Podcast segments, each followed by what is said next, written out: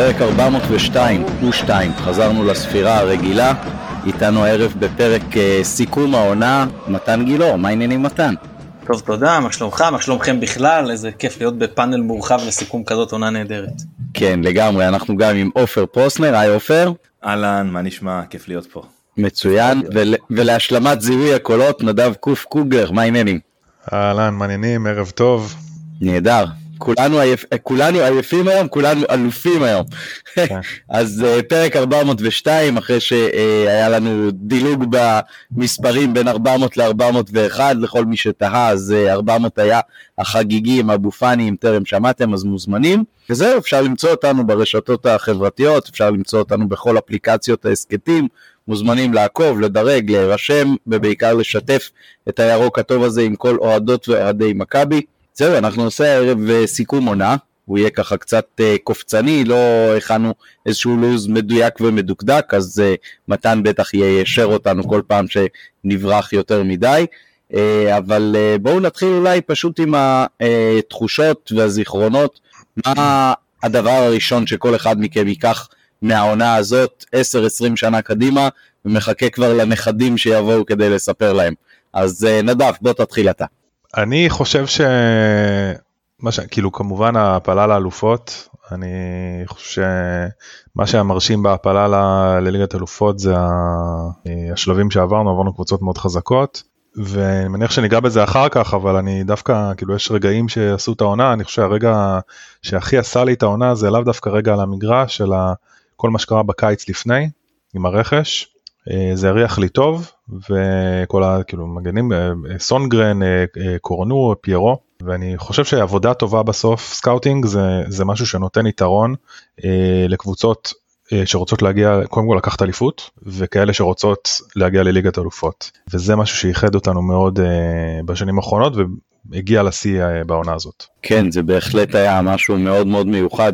עופר בוא תפרוט לנו על נימי הרגש ותשתף אותנו מה מבחינתך יהיו ה highlights ומה הזיכרונות שתיקח איתך להמשך הדרך כאוהד? אה, יש המון זיכרונות, כל ליגת האלופות, אה, המשחק ההעפלה שהייתי עם נדב ומתי ומורן בבית שלו ושחר, אה, הנסיעה לליסבון, היה את הדרבי שבגביע שאני עדיין חושב שהוא אחד המשחקים הכי כיפים שהיו, פשוט נהדר, היה את ה... 2-0 עם הכיף של דין דוד והיה את העצירת פנדל אבל אני אפשר לבחור רגע אחד וטיפה להעריך עליו? אתם מרשים לי? מותר היום? זה הקונספט של הפרק. נהדר. אז אז אני אקח אתכם אחורה לחודש ספטמבר. אמ, אנחנו בכניסה אה, מחכים בציפייה באמת ארוכה להיכנס לאיצטדיון בליסבון. אמ, אני חושב שאולי סיפר את הסיפור הזה פה אבל אולי אני אספר אותו שוב אכפת לי זה סיכום אז נעשה את זה. בקיצור אמ, אני ונדב ואלעד חבר שלנו ומתי ומור עוד הרבה אנשים מחכים לכניסה למשחק ואני מקבל טלפון מאשתי ואשתי מספרת לי ש... היא מקיאה והיא לא מרגישה טוב היא בקושי מצליחה ללכת ואני יושב ב... לא יודע מה לעשות כל כך כי אין לי משהו שאני יכול לעשות אה, חמש דקות אחרי שהיא מסיימת את השיחה וכשאני באמת לא לא בטוח מה אני הולך לעשות עם עצמי אני מקבל הודעה שביטלו לי את הטיסה חזור כי החברה פשטה את הרגל ואני לגמרי עובד עצות ויש משחק עוד מעט ואני רוצה להתרכז במשחק ורוצה לדעת מה קורה עם אשתי והכל קורה ביחד ואני לא מאמין שהמשחק הראשון בצ'מפיונס אחרי כל כך הרבה זמן כל הדברים האלה קורים אני כמובן חושב על עצמי כי רק אני חשוב הרי אה, ואז עובר המשחק ואני חוזר לארץ אני מגיע ולוקח את אשתי לחדר המיון כי באמת הייתה לה היא איבדה את השמיעה שלה באופן פתאומי באוזן שמאל השמיעה שלה עדיין לא חזרה ועושה המון טיפולים ובאמת קרו המון המון דברים מאז וקיבלה סטרואידים ואני מהר את הדבר הזה קצת אמ, ובתאריך אני לא זוכר את התאריך המדויק אז בטח מתן יזכור אבל בתאריך של המשחק אה, מול יובנטוס אני די בטוח שאני לא אגיע למשחק י' בתשרי. י' בתשרי, היא נכנסת לאשפוז בבית חולים איכילוב וצריכה להישאר שם זה חג אני לא זוכר איזה חג זה היה. י' בתשרי יום כיפור. יום כיפור לא זה היה אחרי יום כיפור לדעתי לא משנה. טורינו היה ביום כיפור אם הבנתי אותך. טורינו היה מדבר משחק בארץ. היה גם. אה אז מחילה לא הבנתי חשבתי שאתה מדבר על טורין. לא לא לא ואני כבר אומר לאבא שלי אומר תקשיב בוא תיקח את הכרטיס אני כנראה לא אגיע ואז היא מדברת איתי אשתי אומרת לי תשמע דיברתי פה עם האחיות ותוכל להגיע גם בלילה ולישון איתי ואני אומר באמת אז יאללה אז אני אסע. ואני כולי בהתרגשות ואני שם את החולצה ואני נוסע ליובנטוס ואני אומר איזה אישה יש לי באמת כאילו. היא בבית חולים פעם ראשונה שהיא מאושפזת וצריכה לישון והיא מפחדת והכל ו... והיא משחררת אותי למשחק ו... וכל הדבר הזה קורה ואני מגיע לחיפה ואני נכנס לתוך האווירה ואני אני לא, לא יכול להסביר את, ה, את התרוממות הרוח שחשתי בעקבות הניצחון מיובנטוס. הרגשתי שהיו באמת אה, תקופה מאוד מאוד תקופה מאוד קשה שעברה איתה ו, ומבחינה אישית איתה הלכת המון לבית חולים ולטיפולים ותא לחץ ואלף ואחת דברים. והמשחק הזה היה כמו אנחנו אה, מה זה כדורגל? אנשים רצים אחרי כדור ואנחנו מסתכלים עליהם ביציע ואנחנו מדברים על זה בפודקאסט ואנחנו מדברים על זה אחד עם השני ויש קבוצת וואטסאפ וזה מעסיק אותנו. מעסיק אותנו המון אבל אני לא חושב שאי פעם הערכתי יותר את המקום של כדורגל בחיים שלי יותר מהרגע הזה שמכבי פשוט ניצחה את יובנטוס וגרמה לי להרגיש שבאמת הכל אפשרי ו- ויהיה טוב. אם אני צריך לקחת רגע אחד מה- מהעונה הזאת זה הרגע אחרי הניצחון שאני יושב על הכיסא מותש פשוט מותש מהמאמץ מה, שהשקעתי. לא מאמין שראיתי בחיפה ניצחון של הקבוצה שלי על יובנטוס וליגת האלופות נוסע משם מאושר עד הגג והולך לישון בבית חולים איכילוב ליד אשתי. אולי אולי הבן אדם הכי מבסוט בכל איכילוב אוקיי? חוץ אולי מישהו שקיבל איזה איבר להשתלה והציל לו את החיים כן אבל אבל אחרי האנשים האלה שכנראה החיים שלהם ניצלו הרגשתי שפשוט קיבלתי משהו בחזרה. אז זה הרגע שאני אקח אותו. אז אם אני צריך לבחור רגע אחד מהעונה המדהימה הזאת זה הרגע. כי כי באמת שאני לא הכל הכל היה ביחד וזה באמת משהו ש, שקשה להסביר אני חושב למי שלא אוהב כדורגל ואני חושב שמי שכן אוהב כדורגל לא משנה איזה קבוצה מכבי לא מכבי הוא, הוא מבין על מה אני מדבר. טוב קודם כל רפואה רפואה שלמה כמובן ל, ל, יעל זה היה לדעתי שבוע אחרי זאת אומרת אה, י"ז מתשרי סוכות בעצם. אם אה, עופר שיתף במשחק שהיה משחק השיא והפסגה אז אה, אני חייב להגיד שאני היום בהכנה לפרק פשוט עלו בי כל מיני זיכרונות אז אני אשלים את רגע השפל של עופר וזה שהוא לא קם בזמן בלימסול למשחק שם הוא כנראה כל כך היה כבר רגוע מ-4-0 בבית שהוא אמר אה באתי ללימסול לראות את המשחק אבל אין לי בעיה להחמיץ את המחצית הראשונה. Uh, אני רוצה לה, להאשים את uh, אדון קים רטוש אם הוא שומע אותנו שנתן לי הרבה יותר מדי אלכוהול לשתות לפני המשחק. קים אני אוהב אותך אבל uh, אני אני אני אח של אח שלי אתה אסור לתת לנו לשתות אנחנו לא אנחנו לא אנחנו לייטווייט. אבל היה היה כיף. ברגע שנכנסנו ברגע שנכנסנו כבר לא הבקיעו להם. לא לעלות לך. כן. שם היה במשחק ההוא היה הרגע הקומי של העונה. שאני אספר אותו סיפרתי אותו כבר בהסכת אבל אני אספר אותו שוב שאנחנו היינו ממש מאחורי השער והאוהדים שלי מסול היו במרכז המגרש. ומפרידים מי שמכיר את הג'סט פלייט צהון רחב ומפרידים הרבה יציאים זאת אומרת בין איזה. באיזה שלב הם אה, התחיל איזשהו טרשטוק בין האוהדים כי הם אני לא זוכר איזה משהו או שהניפו איזה דגל פלסטין או איזה קריאות משהו נגד ישראל או איזה אנטישמי או לא זוכר מה. אז הם שלנו החזירו להם ואז הם התחילו בריצת אמוק כאילו אחוזים גדולים מהקהל שלהם עד הגדר איזושהי גדר רחוקה מאיתנו ופשוט נעצרו שם. זה היה פשוט רגע קומי. תחזיקו אותי אה, הגרסה הקפריסאית. את הדבר הסתמי הזה שהם עשו. טוב אז רצית לקחת את זה מפה מתן אז עשינו לך קטיעה אבל אתה בטוח זוכר מה. אז אז אז בוא כן אז התחלנו לגעת במשחק נגד יובנטוס אז זה לא הרגע שיא שלי מהעונה אבל אני אגיד כמה דברים על המשחק הזה קודם כל לטעמי הלא אובייקטיבית הניצחון הכי גדול של קבוצה ישראלית אי פעם זה א' ב' המשחק אגב זה היה גם כבר כבר ראו את זה במשחק בחוץ אבל גם בארץ שכל הסיפור החסרונות שיש לעומר אצילי במשחקים באירופה לא באו לידי ביטוי ופשוט היה גם שני השערים גם מעבר לזה אגב גם אמרתי גם במשחק בחוץ פשוט מול שם כמו יובנטוס שיחק אותה לגמרי הלוואי שהוא יבוא באותו state of mind במשחקים גם נגד מכבי תל אביב. כאילו אתה מצפה שנגד יובנטוס יותר תתרגש וזה אבל אה, הוא באמת היה יוצא מהכלל. אה, זה היה משחק מבחינתי שבו חוקי הפיזיקה חדלו מלפעול. החל מדקה 80 כל שנייה לקחה 5 שניות. זה היה משהו לא הגיוני.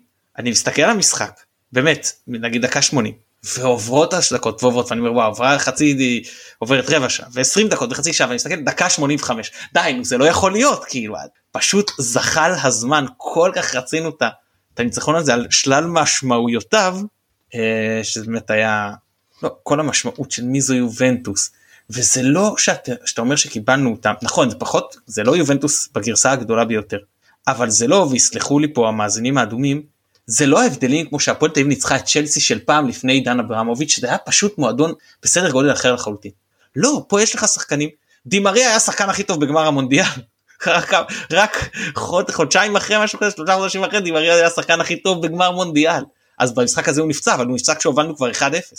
רביו עוד שחקן שהיה בגמר מונדיאל ושיחק במשחק הזה. ו, ו, אה, אה, אה, שני גמרים של מונדיאל.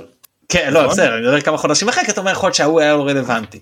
זה ארבע שנים של שחקן של מגמר מונדיאל לגמר מונדיאל. כן. דונרומה אלוף אירופה מכהן לא דונרומה סליחה זה בפסג'ה סליחה אבל צ'שני שוער בסדר דונרומה עוד וואי אוהדי מילאן מה יעשו לי בשביל שאמרתי את זה באיזשהו הקשר של יובנטוס כן חס ושלום. צ'סני שהוא ברמות הכי גבוהות והסרבי איך נקרא ולחו לא ולחוביץ' ולחוביץ' כאילו באמת סוללה של שחקנים אז נכון שוב זה לא כמו שהם היו עם, עם בשנים הכי גדולות שלהם אבל זו קבוצה בטופ העולמי וזה היה גם אם אז הם היו בתקופה פחות טובה וגם אם העונה הם בעונה פחות טובה זה היה באמת משהו היסטורי למרות ששוב זה אבל אם אני עובר רגע אז היו לי באמת הרבה מאוד רגעים העונה שהם מיוחדים. בין אם זה משחק עם הגבלה של 400-500 אוהדים בדוחה שאני מוצא את עצמי מחמיא לאח של עופרי ארד אחרי המשחק כי באמת היה לארד משחק טוב באותו משחק. ו, ובאמת משחקים גדולים וניצחונות גדולים והחזרה על אשדוד שאנחנו עוד ניגע בה ובטרנר וכל מיני אבל המקום שבו הרגשתי בניגוד אגב ליובנטוס שזה הרגשתי רק כשהמשחק נגמר שבו הרגשתי לאורך דקות ארוכות שאני חלק מהיסטוריה זה המשחק בקריסקקיס. זה לא היה לבוא מול יובנטוס היינו, במחצית גדולה נתנו שניים ואחרי זה עמדנו הגנתי טוב. זה לא היה בלגרד של לבוא ו- ולחזור מהקבר וזה. זה היה פשוט קונצרט זה היה לבוא לאצטדיון שמה שאנחנו עשינו לא עשו בו משנות ה-80 ולרמוס לרסק לתחח ל- לא יודע כבר איך, איך לאיזה עוד מינים אפשר להשתמש פה לגרוס את היריבה. זה היה פשוט משחק שבשלישי כבר הבנת שהם לא הולכים לחזור מזה שאתה עושה פה משהו היסטורי אני הייתי באופוריה מטורפת עם הילדים גם זה המשחק אחד המשחקים שבאתי עם הכי מעט ציפיות אליו לא האמנתי שיש בכלל סיכוי שאנחנו עושים משהו. איזה זיכרון בלגרד עוד באנו ביתרון. יובנטוס אמרתי שעם כל התקופה וכל זה ועם הלחץ איך שעוד אפשר זה לא לא חשבתי שננצח אבל יותר האמנתי פה ופה זה היה באמת כאילו מי זה שפשוט לא האמנתי שצריך להוציא משהו ואז שאנחנו יוצאים שם עם 4-0 ושוב לא יושבים מאחורה ויוצאים לאיזה מתפרצות ועוקצים אותם לא אלא ממש משחקים נותנים את הטון ומשחקים מצוין זה היה פשוט חופשי. פנטסטי. אני רוצה להגיד משהו על המשחק הזה מרוב שלא חשבתי שיש סיכוי שנעשה משהו במשחק הזה הוא יצא על התאריך של היום הולדת של אשתי ואמרתי לה טוב הולכים למסעדה לא אכפת לי מהכדורגל היום הזה שלך תשכחי מזה ישבנו במסעדה אכלנו נהנינו ואז החדשות מתחילות להגיע ואז אני אני אומר לה כזה תשמעי יעל אנחנו אנחנו מובילים באתונה בפיראוס. איזה רגע מוזר זה אה? כן. ואני כאילו אנחנו מדברים עם הולדת אנחנו והיא כזה מה מה זה אומר? כאילו מה היא לא עוקבת עד היא עוקבת אבל לא עד כדי כך. לא זה בטח אנחנו תכף נפתור את השער זה ייגמר עזבי אין זה לא משנה. ואז ב-2-0 אני אני מתחיל כאילו אני מתחיל לעבוד על, על, על, על החלק הזה. להזמין חשבון? לא לא כבר היינו בבית. כבר זה כבר זה כבר היינו כבר בבית ואני צריך להקשיב למה שהיא מספרת לי כי זה היה חשוב כי אמרה לי משהו מאוד חשוב באותו רגע אני זוכר גם בדיוק מה זה אני לא אספר על זה כאן אבל גם להיות עם אוזן אחת זאת אומרת חלוקת הקשב שלי אותגרה מאוד כי קורה משהו יש יש אירוע ועדיין יש עוד אירוע. אני ספרתי משהו ואני צריך להיות מאוד קשוב ומאוד רציני ובאמת והייתי אני זוכר מה היא אמרה לי ואני חושב שאני עד עכשיו לקח לי זה המשחק אולי שאני הכי לא הצלחתי לעכל אחריו את הדבר שקרה אפילו יותר מעלייה לליגת האלופות. ה-4-0 על אולימפיאקוס היה מין משחק כזה שכאילו כאילו באה בא מכבי ואמרה אה, טוב אנחנו יכולים לעשות כל מה שבא לנו הכל הכל יכול לקרות.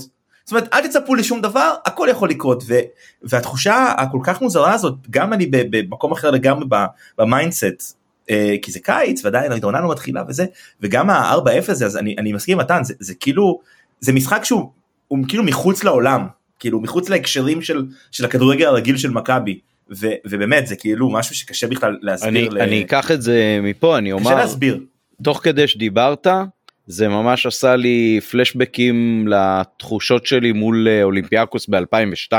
שהשנה לא הייתי באתונה, אבל ב-2002 הייתי ביוון, בקפריסין, ב-GSP, וזה גם היה כאילו משחק הבית בכלל ever הראשון של אה, מכבי בצ'מפיונס, שהיא לא מארחת בכלל בבית, אבל זה משחק הבית שלה, והקהל היריב הוא כאילו גדול בערך פי שלוש מהקהל שלך, וגם אלימות לפני זה וגם ים של אלכוהול לפני זה, זה אני מדבר על זה היום, זה שנתיים לפני החתונה שלי, זה נשמע כמו עולם דמיוני בכלל, שאני לא מבין אה, איפה, באיזה ספר אגדות קראתי עליו, אבל uh, שם, שתבינו, זה, זה ערש הולדתו של אה, ארגון הקופים הירוקים נגיד, זה, זה שם.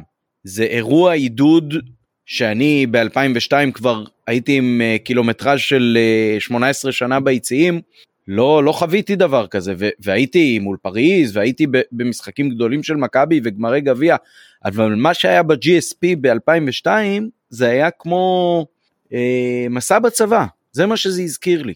כי אנשים עודדו אחד את השני תוך כדי העידוד של הקבוצה להמשיך, להמשיך, להמשיך. ואנשים העבירו מים מאחד לשני, אנשים שלא הכירו אחד את השני, והעבירו שוקולד מאחד לשני, ממש כמו מסע בצבא. והקהל שם דחף את הקבוצה, והקבוצה דחפה את הקהל עם מין חצי שעה ש, שהייתה פשוט פסיכית. זאת אומרת, כל מי שלא ראה את החצי שעה הראשונה של מכבי מול אולימפיאקוס ב-2002, אני ממש ממש ממליץ. זה הייתה אימפריה וזה, ומכיוון שאנחנו מסכמים עכשיו את העונה הנוכחית ולא את 2002, אז אני אתן את הקפיצה לכאן, אז כאן עם כל מה שמכבי כבר עשתה מאז 2002 ועשתה, וזאת כבר הופעה שלישית בליגת האלופות, אנחנו רק במוקדמות, אבל פעם שלישית אנחנו יודעים בסוף שהגענו, לבוא ולעשות דבר כזה לא ב-GSP אלא ממש בתוך הבית של האולימפיאקוס הזאת, שהיא ההגרלה הכי קשה שיכולנו לקבל, אחרי ש... מה שהציל אותנו בבית מהפסד זה נס, אין שום הסבר כדורגלני אחר לתת לבעיטה הזאת של חזיזה, פשוט בעט אחורה וזה נכנס. זה כאילו, בוא נגיד ככה, יש את השער הזה ש, שאפשר למצוא ביוטיוב מאיזה פיזיקה. משחק אימון, אה, שהשוער בכפר גלים בועט את הכדור בעיטת שוער ואז הרוח מחזירה את זה לתוך השער, זה אתה יכול להבין. כן. אתה מבין איך, איך השער, כאילו הרוח והכדור, זה, זה חוצה את גבולות ההיגיון, נדמה לי, נכון. אבל פה כשחזיזה כאילו מנסה להכניס כדור, הכדור עף מאחוריו, הוא מסתובב, הוא בועט מין כזה כמו בשכונה, לאן שזה יגיע זה יגיע. זה... אם אה, ג'וש היה בועט בעיטת שוער והיא הייתה נכנסת לשער של היריב, זה יותר הגיוני מהגול הזה. לא סתם הקהל כל כך השתגע, הרי בסך הכל השווינו פה במשחק הראשון בשלב מוקדמות שני, סיבוב מוקדמות שני, ואז נסענו עם זה ליוון. מה הסיכוי לעשות משהו ביוון? נסעת עם תיקו. בבית תוצאת תיקו בקושי מגול נס. מה תעשה בחוץ? מה יצא מהברז הזה? קולה? יצא שמפניה. זה היה פשוט, באמת, אתה מדבר על הערב הזה, יש כל כך הרבה top, ו- ובאמת אה, גם עשינו סיכום הרי לחלק הראשון של העונה, ואין מה לעשות, כל מה שקרה בעקבות זאת, בחלק השני של העונה, כאילו, אתה יכול להגיד, אשדוד א', אשדוד ב', אה, ניצחונות על מכבי תל אביב, הכל טוב ויפה. לא מתקרב לק... לקצה הציפורן של רגעי ה top של הקיץ וה Champions. חוץ מרגע הזכייה נגיד באליפות עצמה, אוקיי, נגיד, לא בטוח. אבל באמת, הנקודת התחלה של המרוץ המטורף הזה במשחק באתונה, כששיחקנו שם ב-2002 ב Champions, אני חזרתי בלי קול מהמשחקים ב-GSP וניסיתי לתאר את זה לאנשים שהם לא מה, מהתחום, אמרתי, תחשבו נגיד אתם אוהבים אה, קונצרטים, את המקהלה השכונתית או את התזמורת השכונתית שאתם רואים כל שבוע, פתאום הזמינו ללסקאלה במילאנו. זאת הייתה התחושה, כאילו מה אתם לוקחים פה קבוצה מהליגה שהיא לא באמת השישית באירופה לשחק במפעל הזה שאנחנו רגילים לראות בטלוויזיה מלא שנים ולא היינו קשורים אליו בכלום. זה כל כך שלא היינו קשורים אליו בכלום, שהמשחקי מוקדמות, כאילו אמרת בסדר, אבל כאילו אתה מסיים במוקדמות, אתה לא אמור לעלות לבתים. זה לא, אתה לא שייך לבתים, מה, מה, כאילו, כמו ילד שמנסה להתפלח למועדון של מבוגרים. לך מפה ילד. ופה הניצחון חוץ הזה באולימפיאקוס, אחרי כל כך הרבה שנים שלא זכינו לזה, כמו שכתבתי בכל מיני מקומות, היה עשור כל כך שחור שתהיתי מה עוד כרגעי שיא אני אזכה לחוות בימי חיי. זה גורם לך באמת לפקפק. ווואלה, ה-4-0 הזה באולימפיאקוס, זה כמו מילות השיר, שוב אנחנו כאן. טוב, חפרתי לכולכם, אז uh, נדב. אז רגע, שיר עוד שיר שאני חושב שנכתב ממש על זה, זה של סמאש מאוף. אני, אני אצטט מה שנקרא Then I saw her face, now I'm a believer. תשאיר את זה, מה זה? של פיראוס מזכירים את חיפה. אנחנו יכולים בכל מקום. משחקנים למאמינים. אבל גם לא, בחיפה, גם פיראוס. המשחק ממש. saw her face, now I'm a believer. יפה, אתה, אתה מצליח עכשיו. אני אקח, אני רוצה, רוצה להזכיר עוד כמה רגעים. קודם כל, אמ, הרגע בליסבון, אני מצטרף לעופר מזווית אחרת. היו לי איזה יומיים לא, לא פשוטים, אה, עופר יודע למה, והאמת שגם לפגוש אתכם, כאילו את החבר'ה מה, מהפוד, היה עשה לי ממש כיף. וגם כמו שמתן תמיד אומר, לבוא ולעודד את הקבוצה בחו"ל זה, זה חוויה שהיא, אין שני לה, כאילו זה, זה גם פרלה, אתה דיברת על זה, על הקטע של, של ישראלים בחו"ל, וכאילו כולם אחים וזה, ו- וזה ממש ככה, כאילו אתה גם... אתה מרגיש את הגאווה ואני מקבל מאבא שלי ומאח שלי אסמסים בואנה איזה עידוד מה זה שומעים רק אתכם וזה ואתה ואתה ביציע כאילו אתה אומר וואו אני כאילו זה מטורף. עוד קטע קטן ומצחיק שהיה קשור למשחק זה עופר אתה זוכר את הפרלה אתה בטח זוכר גם בסוף המשחק לפני שיצאנו שעלי מוחמד ומאביס שהתבלבלו ש, שעודדו את עלי וזה היה מאביס בכלל והוא צחק רואה- למרות שהיציע היה גבוה ראו שהוא התפקע שם מצחוק אז זה ממש משעשע. ואם אנחנו כבר מדברים על המשחק הזה אז רגע שדי בי... ממש ביאס אותי, לא די ביאס אותי, זה הפציעה של אה, סוף, זה שחקן שאני ממש מצפה כאילו לראות מה, מה הוא יוכל לתת לנו. כן, ו- זהו. זה קצת ביאס. גם עלי, גם הפציעה של עלי. נכון, נכון, אבל היה לי כאילו, זה היה כאילו די, נראה לי די ברור שהוא יחזור, סוף, כבר הבנו שזה, שזה הולך למקום לא טוב. ולגבי המשחק בפ, ב, ב, ביוון, אני אגיד, אה, אני אגיד ככה, אני חושב שההתקפה של, אה, בגול של פיירו, בבישול של חזיזה, נראה לי שדיברנו על זה פעם באחד הפרקים אחרי, אולי אחרי המשחק, אבל זו התקפה, זה המשחק בעיניי שמכבי, אני לא יודע אם זה השיא, אבל שם התחלנו לראות את הפוטנציאל שיש למכבי חיפה. אמ, זו התקפה ש... שהכדור ממש, ה build-up, אתה רואה סונגרן מחלץ, מוסר לקורנו, קורנו אם אני לא טועה שם מעביר לשרי בצד, מעביר חזרה לח... לחזיזה, כאילו הקבוצה הייתה, אתה, אתה הבנת ש... שיש פה, נבנה פה משהו מטורף, ובעיניי זו התקפה, זו ההתקפה של העונה. אפשר לחזור ולראות את, ה, את, ה, את ההתקפה הזו זה, זה, זה masterpiece. אז זה לגבי זה והדבר האחרון שרציתי להגיד שזה רגע מבחינתי חזק מאוד מהעונה הזו זה שאחרי שהפלנו וניצחנו את הכוכב האדום אז uh, ראיינו את חזיזה ואני מצטט. Uh, אני חושב שיש לנו קבוצה טובה מאוד רשמנו משחקים אדירים מול קבוצות ברמה גבוהה ואנחנו רוצים להתקדם משחק למשחק. חלק מהאנשים אומרים שאנחנו מסתפקים בהעפלה לשלב הבתים אבל זה לא מספיק לנו ולא מס, לא מספיק לי. אני רוצה להוכיח את עצמי בשלב הבתים זה נכון שאנחנו נשחק נגד השחקנים הכי טובים שיש אבל אם אנחנו הגענו עד לפה אז גם אנחנו השחקנים הכי טובים שיש. זה מבחינתי גם מכפר על הקמפיין הקודם שלנו באלופות. אה, באנו באנו לשחק כדורגל ולא כן. אה, להתבטל. אני לא זוכר אם אמרתי את זה אחרי המשחק, אבל זה הייתה הרגשה באותן דקות ששרי משחק פלייסטיישן עם הקבוצה. ככה אני הרגשתי. פשוט הזיז את כולם, לאן שהוא רצה, איך שהוא רצה, פשוט שלט בכל מה שקרה על המשחק, על המגרש.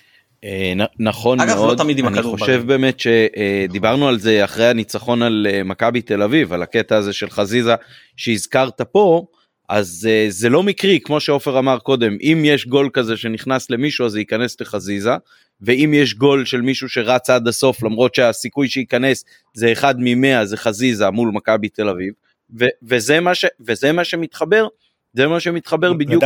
לציטוט הזה.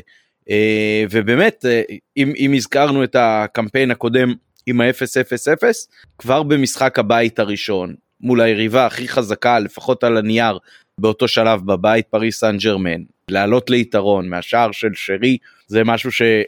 אני, אני למשל אה, מישהו שאל בטוויטר איזה משחק מהעונה הייתם רוצים לחוות מחדש? אה, וזה מאוד מתבקש לחוות משהו שהוא אה, ניצחון או עליית שלב או ואני ו- ולא הייתי יחידי בחרתי את המשחק הזה נגד פריס. כי אני חושב שהשער הזה לא הוא לא בחלל ריק. זאת אומרת בהרבה מאוד מובנים כאילו זה מעל הכדורגל לראות בסוף המשחק את התוצאה 3-1 והכובשים שרי מסי, ניימר, אמבפה.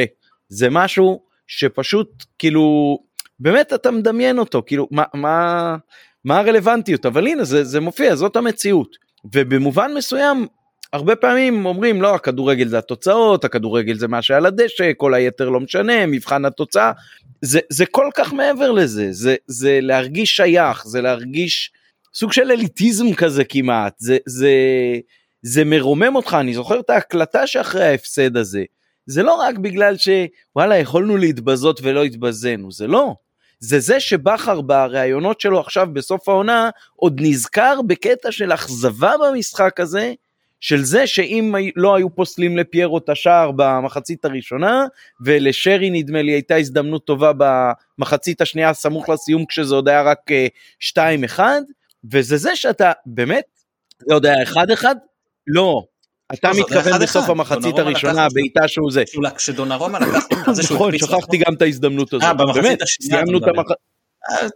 זה אם ואם. במחצית השנייה זה היה פחות רלוונטי. לדעתי כי גם אם היינו משווים היינו כבר עם הלשון בחוץ והם היו מוצאים. לא אבל היה את ההזדמנות של פיירו במחצית השנייה שהוא קיבל כדור מהצילי אני חושב והוא כן. בעט החוצה. כן.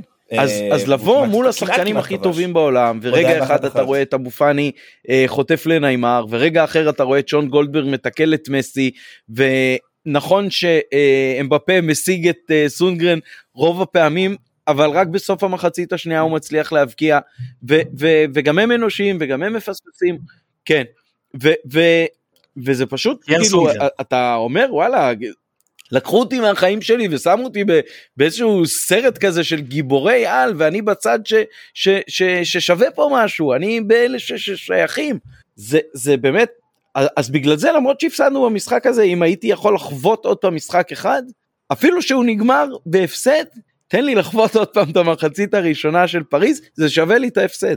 אני אני רוצה יש משהו במשחק הזה שהוא אני, אתה אוהבים להגיד על משחקים שהם משחקים של שתי מחציות אז אז פה השתי מחציות היו שונות אני, אני, אני אסביר מה אני מתכוון.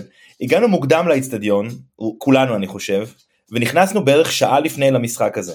ואני יושב ביציא המזרחי בחלק היותר דרומי שלו קצת אה, בערך בין החצי לקו 16 והדיבור היה שאנחנו נכנסים מוקדם כדי לראות את אה, פריס סן ג'רמן מתאמנת. כי כי זה מסי זה נאמר זה אמבפה אתה אתה לא כנראה תראה אתה שומע את אבו אתה שומע את אבו פאני בפרק הקודם שלנו מדבר על זה שמבחינתו לדרוך יחד איתם על אותו קר דשא זה סוג של כן. הישג. הוא אמר הוא אמר אני צריך כן. אני משחק עם הכדור או שאני בלי הכדור ואני צריך לחשוב רגע פעמיים אם אני רוצה עכשיו להיכנס לטאקל ולהעיף אותו לשמיים או שאולי עדיף לעשות את זה בהתקפה הבאה כדי שהוא לא יתעצבן וישימו לנו שלישייה. בדיוק ו, ואז היה רגע שאני לא זוכר כמוהו אוקיי כי לא היה כמוהו לדעתי עבורי כאוהד מכבי שהם מתאמנים וקצת צועקים עליהם ואתה יודע אתה מצלם אותם עם הטלפון יש להם תמונות שלהם בפה מתחתה עם, ה, עם הירך המטורפת הזאת שלו כי הוא באמת לא אנושי ו, ו, ואז עולים למגרש יש את המוזיקה של ליגת האלופות ואתה קולט שכל הקהל מפסיק להיות המעריץ הזה אוקיי? של אני באתי לראות את uh, כל השחקנים האלה ואנשים נכנסים לכאילו לטירוף. אני לא חושב שחוויתי אווירה כמו שהייתה ב, ב, בהתחלה של המשחק הזה, ב, אני, אני, אני באמת כאילו היה משהו שאני חושב, אני חושב שהרגע ש, שבאמת מסמל עבורי את, ה, את, את הדבר הזה שהצעקות, השירים מסי הבן, כאילו, יש ילדים ש, שמאזינים אז אני לא אגיד את זה, אבל מה זה לצעוק את זה במשחק של מכבי חיפה? מה זה קשור? מה זה קשור? כאילו זה יותר מזה עופר. זה לא הקללות. זה שנטע בא מאחורה ולוקח לו ואז אנשים צועקים כי הוא לא יודע יופי. וזה הוא לא יודע הוא לא יודע. הוא לא יודע הוא לא יודע. הוא לא יודע לא עובר לא עובר כמו שצועקים לא עובר הוא לא עובר אותך. כאילו זה שחקן של הפועל חדרה. כן בדיוק. ואתה יושב שם אתה כאילו אומר לעצמך מה קורה? כאילו איפה אני נמצא? מה הולך איתי? זה הגיוני בכלל? זה סביר? ואז הגול של שרי ואתה מתפוצץ זאת אומרת, אתה חושב שהגעת לשיא, אתה חושב שלא יכול להיות משהו כזה. אני, אני לא חושב ש, שהסתובבנו אחד לשני, וכולם, חוץ מזה שהם כאילו היו באקסטטים, כמו שרק גול מול פריס סן ג'רמן יכול להפוך אותך להיות אקסטטי, אנשים היו כאילו עם, עם, אנחנו לא מבינים שזה קרה עכשיו. אני חושב שלקח לקהל איזה שתי דקות להבין מה קרה ואני כולם צילמו את הלוח תוצאות כאילו כדי עופר יש רגע כזה יש רגע אחרי גולים אחרי גולים ששמחים ושמחים וקופצים וקופצים יש יש יש יש. עכשיו במשחקים רגילים כמה כמה זמן עושים את היש הזה? לא יודע מה 20 שניות 10 שניות 15 שניות. פה היה יש ואתה קופץ ואתה כאילו כאילו אתה חוגג גול במשך שתי דקות. כאילו כל כן. הזמן יש גול כל הזמן יש גול. בדיוק. ואני אגיד לך מה אה, אה, עמית הזכיר את 2002 עכשיו אני ב2002 הייתי חייל והמשחק היחיד שאני הייתי בו בליגת אלופות זה המשחק הראשון נגד יונייטד בחוץ. ואת ה-1-0 נגד יונייטד בחוץ כמו ה-1-0 על פריס סן ג'רמן אני לא אשכח כל החיים שלי. זה רגע מכונן. זה רגע מכונן כי כמו שאמרת עמית זה, אתה לא אמור להיות פה אתה נטע זר אתה לא קשור לשחקנים האלה אתה לא קשור לאצטדיון הזה אתה לא קשור בכלל לעולם הזה. אתה בכלל מאסיה. אתה בכלל מאסיה אתה בכלל לא באירופה מה אתה קשור? ואתה 1-0 על מנצ'סטר יונייטד אתה על גג העולם כאילו אין, אין, אין, אין לתאר אין לתאר כן. ואני נזכר בזה עכשיו ואני מצטמרר כי זו תחושה ש... אתה יודע, באתי מהצבא, רואה את המדים, נסעתי ללונדון, נסעתי למנצ'סטר, אני לא זוכר גם מה היה, יושב באיצטדיון, 7,000 איש, שרים שרים שרים שרים שרים שרים שרים שרים, 1-0 למכבי. עזוב מה שהיה אחר כך, כל מה שהיה אחר כך בכלל לא משנה. כי, כי, כי יש רגע כזה שאתה, שאתה פשוט, אתה חלק, אתה שייך, אתה, אתה, אתה פשוט שייך. ו, והרגע הזה, הגול הזה של, של שרי פתאום, הוא מחק בבת אחת את כל הקמפיין הקודם, בבת אחת למרות שאני לא חושב שזה היה קמפיין גרוע אבל אובייקטיבית זה היה קמפיין כנראה לא טוב אוקיי הייתי ברוב בהרבה משחקים ואני חושב שלא שיחקנו כזה גרוע אבל הוא מחק את הכל הוא כאילו לקח עשר שנים או תשע שנים או כמה זמן שזה לא היה של ציפייה וצחוקים מכל מיני אוהדים אחרים וכל הדברים האלה שיש בין אוהדים כל הבנטר הזה והירידות אחד לשני ופשוט מחק אותם וזהו, הכנסנו גול נגד פריז סן ג'רמן, הקבוצה אולי הכי טובה באירופה, אולי הכי טובה באותו רגע, עם השחקנים הכי טובים בעולם, ושחקנו שווים כשווים, כאילו היינו בסדר. ואני חושב שזה מין, מין רגע כזה שהוא באמת מכונן, כי, כי כן, זאת, כאילו... זאת מין, זאת מין התרוממות רוח כזאת ששווה את כל הלבבות השבורים לאורך הדרך. טוב, אני, כמו שאתם מכירים אותי, לא צילמתי ולא עניין אותי שאני בא לראות את... Uh, מסי ומפה וזה. שילמת בזיכרון. הרבה יותר מרגע שטירז מאיר וסן מנחם. אה, ברור שזה משחק בפרופיל גבוה, פשוט מרגש, זה ליגת אלופות, זו קבוצה נוצצת, אבל השחקנים שלנו הרבה יותר אה, מעניינים אותי. ו... אבל אחרי השער הזה, באמת מה שאמרתי לכל מי שאמרתי, שבמשך מספר דו ספרתי של דקות הובלנו על הקבוצה הכי נוצצת בעונה. וזה באמת משהו שלקחת גם הלאה זה היה חוויה, אין ספק זה היה חוויה ואני יכול להגיד לכם שכל פעם שאני רואה את השער הזה של שרי מאז וראיתי אותו עשרות פעמים אני ממש חושש שיפסלו אותו בגלל נבדל. ואני אומר אל תפסול אל תפסול ולא פוסלים אותו כל פעם מחדש אז בינתיים עדיין לא יודע אולי בעתיד. וכרגע כל פעם שראיתי אותו מחדש לא פסלו אותו זה באמת היה מאוד מאוד אה, נחמד. והיה שם משהו ואני רציתי מאוד לשאול את אבו פאני אבל הוא קטע אותנו קטע לנו את הרעיון. כי היה צריך ללכת אני לא כועס או משהו כן. ורציתי לשאול אותו על זה כי ראינו שמכבי במחציות ראשונות פעמים עומדת ממש טוב מול הקבוצות האלה, השתיים סל יובנטוס, אחד אחד עם בנפיקה. גם בחוץ מול פריז שירדנו בפיגור, נכון שהם היו הרבה יותר טובים, אבל הרבה יותר היה משחק והיוצא ו... דופן זה טורינו, וזה כי עלינו עם, אה, אחרי יום כיפור עם אה, הרכב משני, אז זה הסיפור אחר.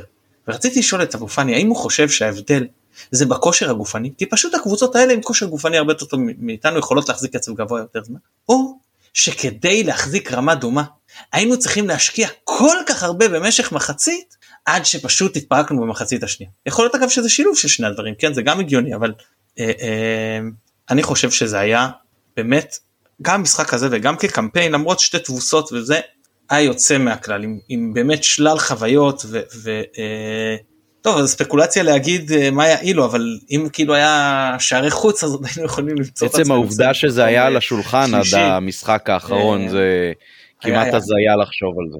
כשאני המראתי ממרוקו היה אחד אחד באיצטדיון הבית שלנו. כן, כן, אז באמת היה אה, קמפיין מרגש מאוד, ואני אקח אתכם גם אם אנחנו מדברים על העונה, לא ניזוקנו, ניזוקנו, אבל לא ניזוקנו בליגה משמעותית בעקבותו, וזה הייתה הפתעה. כולם אמרו בואו נסיים את הסיבוב הראשון וכשאנחנו מרימים את הראש אנחנו מצליחים עדיין לראות את אה, מכבי תל אביב. עוד יכולים לראות אותם את הקבוצה הזאת הנוצצת אה, במונחים ישראלים עם התקציב הענק עם כישרונות עם שחקנים באמת מצוינים אה, אני לא בא לזלזל אני לא בא בציניות אני באמת אומר הם העמידו סגל יוצא מהכלל יכול להיות שעם בעיות של איזון אבל עם רמת כישרון מאוד מאוד גבוהה ועם איביץ' שעשה פה שתי עונות פנטסטיות ולא והצלחנו לסיים את זה במקום הראשון אה, עם אני כמה... חושב, אני חושב שזה מה שהביא לנו את האליפות. Uh, כן, אני חושב שיש פה פן מנטלי מאוד מאוד מאוד מאוד משמעותי. הם ציפו, מה? קשה לרדוף, קשה לרדוף. כן, הם ציפו שהנה מכבי חיפה בליגת האלופות, הם יתרכזו בליגת האלופות, אנחנו ניתן את החמישיות והשישיות שלנו, והם יאבדו נקודות, ושם אנחנו נתחיל uh, uh, לפתוח את הפער, זה גם מה שאנחנו כאוהדים חשבנו, רק כמו שאתה אומר, לשמור על פער סבבים מהמקום הראשון, אבל אנחנו חיינו בשיא שלנו. ולדעתי זה מה, זה מה ששבר אותם. זה לא רק זה, זה גם העובדה אה, שדווקא העונה, אולי קצת בזכות העוצמות שהקבוצה גילתה שיש בתוכה בקיץ ובמשחקים הראשונים בצ'מפיונס, זה שבסיבוב הראשון ניצחנו גם את מכבי תל אביב וגם את הפועל באר שבע, זה היה משהו מאוד משמעותי, כי לנצח את כל המשחקים האחרים זה יכול לפעמים ללכת לכאן וללכת לכאן אתה יכול להיות ביכולת השיא שלך אבל אתה לא חייב בלשון המעטה. אבל מול מכבי תל אביב ומול הפועל באר שבע באנו וניצחנו ו- וזה נתן לנו המשחקים על 6 נקודות זה לא רק בסוף כשאתה יודע כל העונה שאלה יהיו היריבות האמיתיות שלך ואתה מצליח אותן לנצח אז יש פה גם אמירה ויש פה גם עניין מתמטי שאתה מרחיק אותם. וזה ש, שמשלב מאוד מוקדם של העונה עד סוף העונה רצנו כשאנחנו כל הזמן שומרים על המקום הראשון אין פה את הפינג פונג הזה שהיה לנו בעונות קודמות ואין פה אה, את זה שאנחנו צריכים לרדוף חלק מהעונה אז לפעמים זה, זה נותן לך קצת אה, צורך ב, בסטירת מציאות כזאת כמו בהפועל ירושלים בחוץ אה, אחרי המשחק מול אה, פריז וריינה אחרי אה, אה, יובנטוס, אבל בסך הכל גם זה וגם העובדה שהרבה מאוד שחקנים שלך כבר כן זכו באליפות ובמדי מכבי ובשתי העונות האחרונות, אז היה פה מין אה, אה, יסודות מאוד מאוד חזקים שהיה צורך ביריבות מאוד מאוד חזקות שלא היו פה בשביל אה, לשבור את זה. וזה חלק מהעוצמה של הדבר הזה. עכשיו, כן עופר עוד שנייה, אה, אני כן רוצה, מכיוון שבעיקר דיברנו על highlights מאירופה ומהחלק הראשון של העונה, אה, שאחרי שעופר יאמר את מה שיש לו, כל אחד יבחר מהחלק השני של העונה ו/או הפלייאוף את ה highlights והרגעים שבכל זאת הוא יזכור. אני רציתי רק, רק להגיד על, אה, אתה הזכרת את ריינה, ו... אני זוכר את ריינה כאולי אחד מרגעי השפל של העונה. אם אפשר לדבר גם על רגעי שפל כי זה חלק מהסיכום אז אה, הייתי עם נדב במשחק נסענו אה, והיה משחק מבאס. זה היה בין שני היובנטוסים זה היה אחרי המשחק חוץ ולפני המשחק בית. ו... כן מהדרך במלא עצבים. אני הייתי עם הבת שלי זה היה בדיוק אה, במוצאי שבת. וזה היה קריזה לא נורמלי. וחזיזה שם נפצע בחימום כן. וזה זה זה חלק, קצת שם לא קצת התחלנו לשלם מחירים, עלי מוחמד כבר נפצע לפני כן, זה, כן. אבל באמת uh, הסגל uh, חטף את המכות שלו. נכון, אני, אני חושב שאני אני אגיד כאילו, יש איזשהו, אתה יודע, אנחנו חיים את הקבוצה, חיים אותה יום יום, שבוע שבוע, שנה שנה, um, היא חלק מאוד מאוד משמעותי בחיים שלנו, ו... ובגלל זה אגב לא הייתי נותן לאף אחד מאיתנו נגיד לנהל את מכבי חיפה. אפילו לא למתן שהוא הבן אדם הכי קר רוח שאני מכיר. אבל אה, חס ושלום לי מה פתאום? לא לא העובדה שאני אה, הייתי בטוח שהעונה נגמרה בהפסד לריינה כן הייתי בטוח כאילו היחיד אגב שלא היה שידע שהכל בסדר זה אופק כן? אבל אופק תמיד רגוע אז אה, ואז אני חושב שהיובנטוס בא אחרי הניצחון אחרי ההפסד לריינה. והרגע הזה שעברנו מה, מה באמת הבירה המיקטה לאיגרא רמה הזאתי של ההפסד לריינה והניצחון ליובנטוס, אני חושב שקשה בכלל להסביר את, ה, את, ה, את המטוטלת הזאת שאתה עובר, זאת אומרת, אתה רגע אחד באליאנס הסטדיום ביובנטוס, ניסיון חדש, הייתי בו שנה לפני, הוא מדהים, ואז אתה בנוף הגליל, בגועל נפש, סליחה, כן, זה איצטדיון לא הכי איי איי איי, והיה אירוע מאוד מגעיל אחרי המשחק עם האוהדים שלנו והאוהדים שלהם למי שזוכר מאוד מאוד כעסנו על זה ו... והפסדנו, בצדק אגב, הם, הם היו יותר טובים, היינו ממש לא טובים במשחק הזה ניצחו בצדק אין לי מה להגיד פה ואתה בטוח שזהו נגמר העונה. כאילו בשביל מה היינו צריכים את ליגת האלופות הזאתי למה לא עוד אליפות זה מה שנדב אגב אמר לי בשביל מה היינו צריכים את זה אני? אמרתי לא אתה. אמרת אמרתי אתה לך? לא אמרת אמרתי לך אתה. אמרת ישבנו באוטו עצרנו בתחנת דלק ואתה אמרת לי אין לנו סגל לשני מסגרות בטח לא ליגת אלופות היינו צריכים להיות בקונפרנס והיינו הרבה יותר בסדר זה חקוק וואלה. כן. אם אמרתי את זה, זה אני- מה- זה מה אה, שקורה כשלא קיימנו את היום. חוק 24 היית השעות. עצוב גם אני הייתי עצוב אני הסכמתי איתך מה. נכון אה, אז אז זהו זאת אומרת זה היה מין רגע כזה של למה אני צריך את כל זה? כמה ימים אחר כך הסבירו לי למה אני צריך את כל זה אה, כמו שאמרתי מקודם אבל אני חושב שאתה יודע שחקני כדורגל אם יצא לכם לדבר איתם שמע את, את, פאלי מדבר וזה אנשים שצריכים אה, להפסיד את המשחק זה, זה מבאס. אני אני אני אספר משהו קטן ואני אמשיך. הייתי ב, אה, בתור עיתונאי במשחק NBA שבוע שעבר בוסטון נגד מיאמי. הייתי במסיבה עיתונאים אחר כך וראיתי שחקנים אחרי מסיבת עיתונאים שהם הפסידו במשחק פלייאוף גמר המזרח זה כאילו והם צריכים עוד יומיים לשחק עוד פעם. זאת אומרת אין פה זה עוד יומיים עוד פעם ועוד יומיים עוד פעם ועוד יומיים עוד פעם ועוד יומיים עוד פעם ו- והם לוקחים את זה כאילו זה זה, זה, זה, זה קשה. אה, אה, ושחקני ספורטאים מקצועיים מקצוענים סליחה זה אנשים שצריכים לקחת הפסד והם שונאים להפסיד.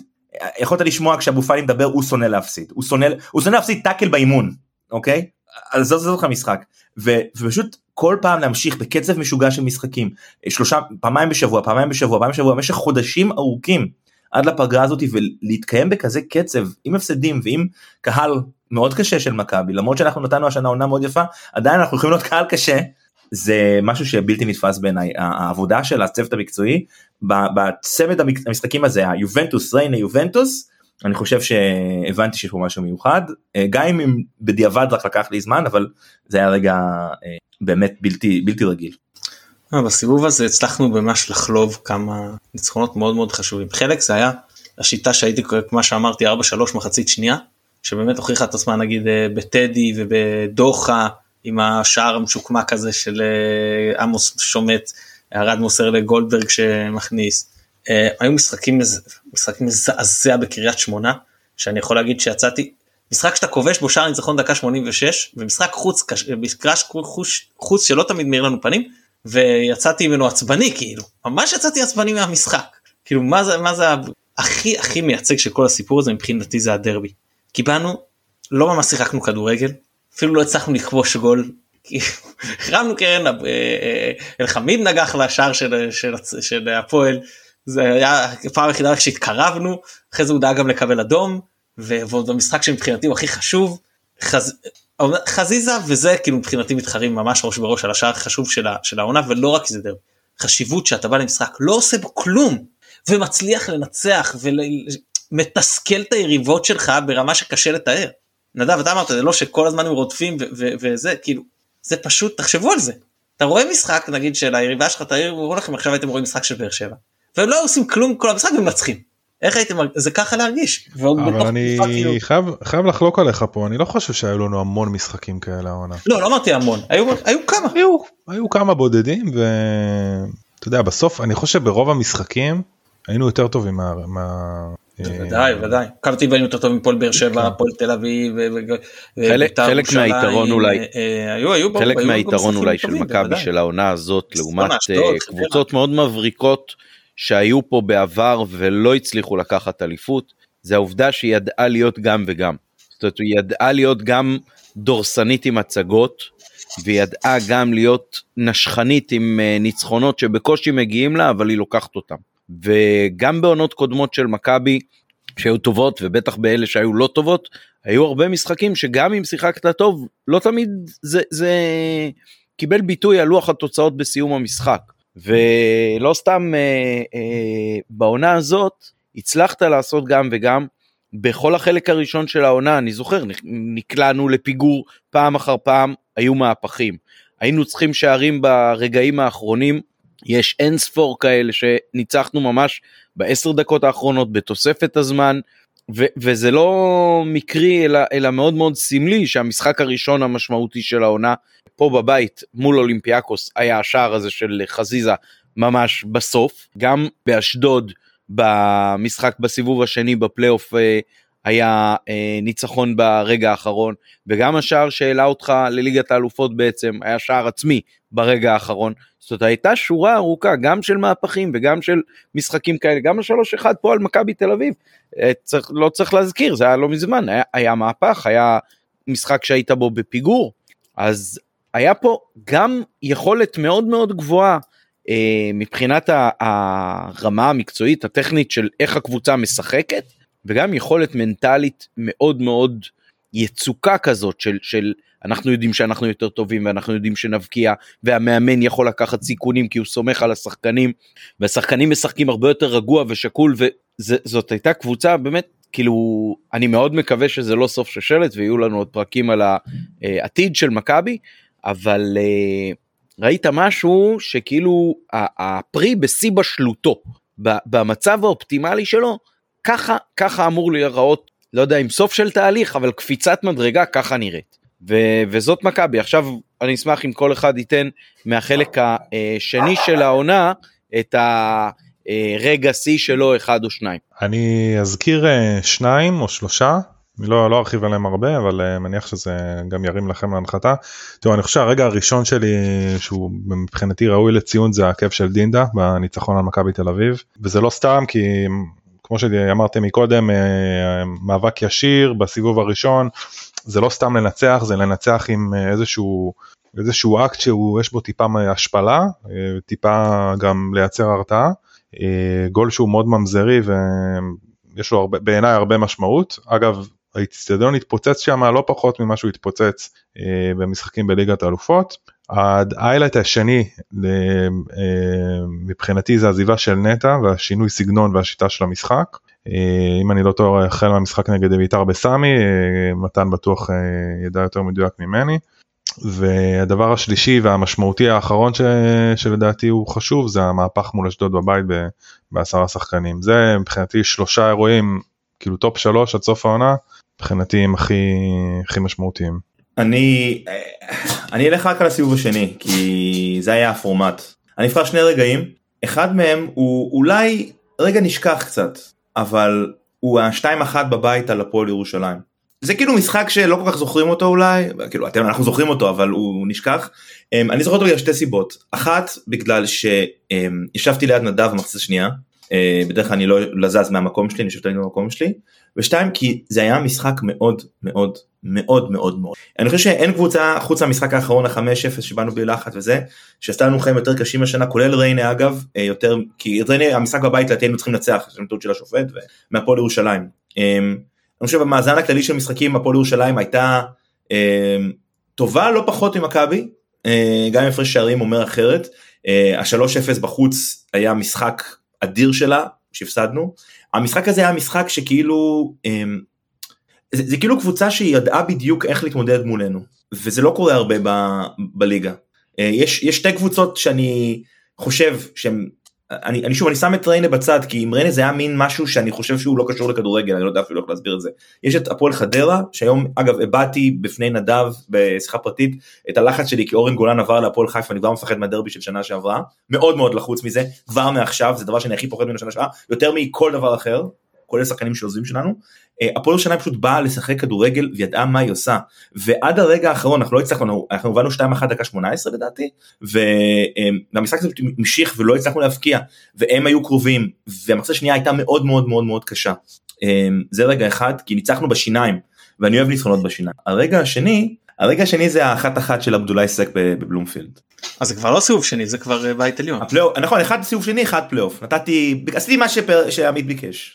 מכבי היא קבוצה שהשנה הרגשתי בהמון חלקים של העונה שהעליונות המנטלית שלה היא פשוט עצומה. היא יודעת לנצל כל כך טוב כל טעות של היריב, היא יודעת פשוט היא רואה את הנקודות החולשה והיא נכנסת והיא עוקצת והיא לוקחת והמשחק הזה היה כמו היינו לא טובים מחצית ראשונה ואז עוד קצת ועוד קצת ועוד קצת ועוד קצת והרגשת שזה באוויר והיה היה בקהל היה ככה הרגשת שמשהו הולך לקרות והגול הזה וההתפוצצות של הגול הזה בקהל ביציון ביציע ידעת ידעת ש, שאנחנו פשוט לא נפסיד את המשחק הזה. כאילו אמ, אני ראיתי את המשחק הזה מיציע העיתונאים כי לא הצלחתי להשיג כרטיס והמשחק אמ, הזה סימל כמעט עוד איזה סטמפה כי הוא היה תמונת מראה באיזשהו מקום להפסד שלנו בעונת בלבול האחרונה שהיינו הרבה יותר טובים ממכבי תל אביב והפסדנו 2-1 מפנדל בדקה ה-90 כשטוואטחה נכנס והכשיל. אתם זוכרים את המשחק הזה? לא לא לא טוואטחה הכשיל אה, חוזז עבר את טוואטחה ופלניץ' הכשיל אותו. פלניץ' הכשיל. הוא היה כבר פצוע כזה ופלניץ' כן. פציעה. כן וזה המשחק שהיינו בטוחים שאנחנו הולכים לנצח היינו יותר טובים. ואז עושה את החילוף המטומטם הזה אה, בלבול סליחה אני אוהב אותך אבל זה חילוף אידיוטי ולא משנה. ופה זה היה כזה לא לא אני לא, אני רק אני רק אסביר לא לא לא, גלאזר אני נכנס זה בכר זה לא היה בלבול זה כבר היה בכר. זה בכר נכון אה, אה, אה, צודק. זה בכר ואני לא חושב. שהחילוף היה כזה מטומטם כי- כי הוא עבר את סן מנחם בדיוק באותה הצורה שתי דקות לפני. יכול להיות יכול להיות. אני אני רק אומר המשחק הזה והגול הזה של סק בסוף אמ, זה היה כזה לא אתם לא הולכים לנצח אותנו. לא במשחק חשוב. 3-0 אמצע העונה בסדר לאף אחד לא אכפת. אפשר לחזור מזה זה לא כזה משנה. איפה שבמאני טיים? לא. ואני לא יודע מה יהיה שנה הבאה עם מכבי תל אביב המשחק הזה כאילו אמ, הרגשת שזה שלך הרבה יותר ממה שהרגשת קודם אה, רק עוד קטן אה, שני דרבים השנה אה, 4-1 ו-5-1 הדרבי גביע לא מדברים פה על הגביע הרבה ה-5-1 בגביע היה אחד המשחקים הכי כיפים הכי כיפים חד משמעית. חוץ מה-5-0 שבסוף העונה שהוא היה אולי של נטע לביא מהאוויר וואו. היה משחק שאני כולי הזה של חזיזה כל פעם אני רואה את ההילוך חוזר של המסירה אני אומר וואו זה מסירה כאילו אללה ברקוביץ' כאילו. מ- מבחינת כיף טהור של להיות במגרש הדרבי גביע חוץ מה-5-0 על הפור שלהם בסוף העונה היה המשחק הכי כיפי שלי העונה. מבחינת כיף. לא מתח לא כלום. הייתי בכיף 90 דקות ולחיים אה, של, שלכם. מתן? תשמעו, קשה לי לבחור שניים. אני, אני מותר שלושה מה שנקרא. אז קודם כל אני אקח את הראשון זה הניצחון 2-1 בבית על אשדוד. זה פשוט בעשרה שחקנים. בפיגור 1-0 עם פנדל היריבה אמרתי לכם גם כשסיכמנו את המשחק לא חגגתי את עצירת הפנדל של ג'וש לא האמנתי שזה ישנה משהו זה לא היה נראה זה חשוב. בדיוק זה כמו היה נראה לי הביטול פנדל למכבי תל אביב עונה. לפני זה בין ה-2-0 ל-3-0. ממש ככה, ממש ככה, ממש ככה. ובאמת לחזור, איך ששחקן, דווקא הזרים, סק ופיירו לקחו את המשחק על עצמם. כמו שאבו פאני לקח על עצמו ב-2-2 בבלומפילד, הם לקחו על עצמם את המשחק. ואמרו, כאילו לא מעניין אותנו, חוזרים לזה. והצלחנו, וזה היה באמת... דרך אגב, דרך אגב, לא זה זה היה- בדיוק לא חושב משחק שהבנתי, שבתוך כאילו, משחק אחד אתה רואה גם את. העוצמה הפיזית מבחינת כדורגל וגם את העוצמה המנטלית מבחינת היכולת להחזיק את זה בראש, לדעת שאתה יכול לעשות את זה, כי כשעשינו את זה, זה לא היה מקרי. ראית את מכבי פתאום בעשרה שחקנים כאילו עם 13 מול תשעה. היה משחק שקיבלנו אדום ו, ופנדל נגד עכו והם הח- החמיצו והצלחנו לנצח קטן בישלת ולשביט אבל זה עולם אחר זה קבוצה שביתרון מספרי עליך 0-0 היא יוזמת ואתה עוקץ כל עוד זה המצב זה בסדר. או היה משחק שהיינו נגד מכבי פתח תקווה בחוץ הם הובילו והיינו בתשעה שחקנים. ואמרתי כל עוד אנחנו שומרים על, זה, על פיגור אחד מה שיכול לקרות בסוף להוציא את התיקו אבל תיקו פה לא היה לנו טוב. ולהפוך ועוד במחצית הראשונה ועוד לש... ולשמור על זה לא עושה כבר משהו באמת באמת יוצא דופן זה היה משחק כל כך מרשים מבחינת כאילו ניצחון כל כך מרשים אה, ש... ש... שבאמת מבחינתי הוא היה הראה באופן הכי מזוקק מה הקבוצה הזו שווה. הרגע השני זה אה, בלומפילד הניצחון על הפועל תל אביב גם הלך קשה וכמו אשדוד אגב הקהל הביא את זה. הקהל הביא את זה השל עלה התחילו שם את השל עלה היינו אם אתם זוכרים הבאנו מעל 12 אלף אוהדים לבלומפילד במשחק חוץ בליגה וזה גם רק לפי מה שהגבילו אותנו כן? ופתאום כל ה-12 אלף מתחילים של עלה והאצטדיון רועד וזה פשוט הכניס אנרגיות והביא את השעה. והשלישי זה המשחק נגד מכבי תל אביב בפלייאוף. אני מזכיר לכם היינו במצב שאנחנו נקודה מהפועל באר שבע. הם מובילים באשדוד אנחנו בפיגור נגד מכבי תל אביב ויש עוד שני משחקים לסיום. זה היה כאילו לא יודע אני ממש הרגשתי ש... שמשהו יכול לקרות פה שאנחנו זה יכול להיש- להישמט לנו הדבר הזה. ו- ו- וידענו שוב זה לא שגררנו את זה אפילו עד לסיום בשלב כבר כאילו השארנו לעצמנו לא הגענו למצב המלחיץ הזה שאתה אוי נו כבר נו כבר נו כבר לא נשאר זמן. לא התקרבנו לשם אפילו. הרבה יותר מוקדם כבר ידענו עם המהלך המדהים הזה של חזיזה שדיברנו עליו הרבה עם, ה- עם הקאמבק הזה והמהפך באמת שוב אה, עוצמה של קבוצה.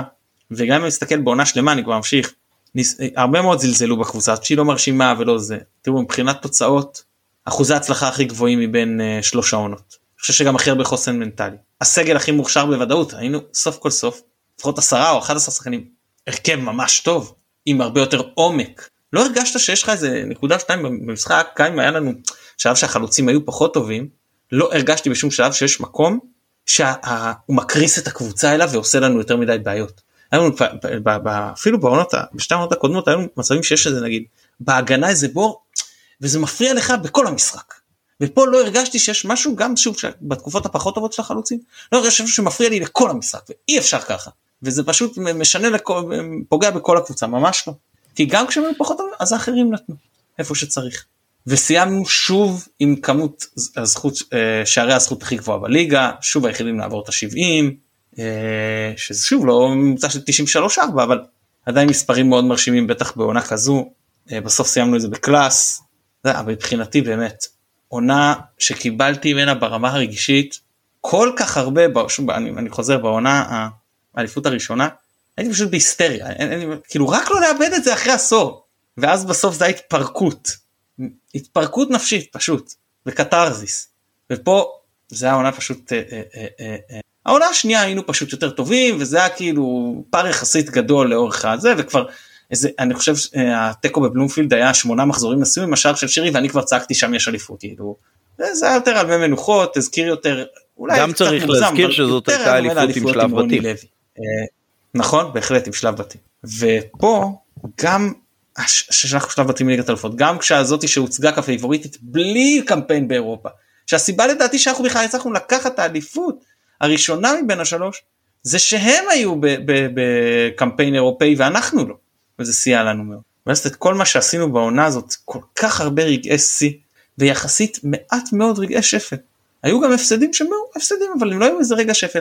באשדוד היינו לא טובים והם ניצחו וזה מבאס אבל לא הרגשתי שזה אתם יודעים קטסטרופה אפילו בשלוש אפס בבלומפילד יצאתי מאוד מבואס ולא הרגשתי שהיה פה איזה קטסטרופה נוראה. זהו אז אני יכול להגיד שזאת הייתה עונה מבחינתי שעונה שנייה ברציפות שאני מגיע ליותר מ-50 משחקים. יפה מאוד, יישר כוח, ומי שמנסה לעקוץ אותך על העונות שבהם אתה מגיע ל-X משחקים אז שיחפש לו עץ אחר לנבוח עליו. כן, אני רק אגיד על העונה ההיא, 2016-2017, שגם הפסדתי בשלושה משחקים, כמו העונה, היה פחות משחקים, כן? אז האחוז טיפה יותר נמוך. היה, הפסדתי אחד באסטוניה, שאתה טסת ואני לא, אה, שזה באמת, אז אני מודה, היה גדול עליי.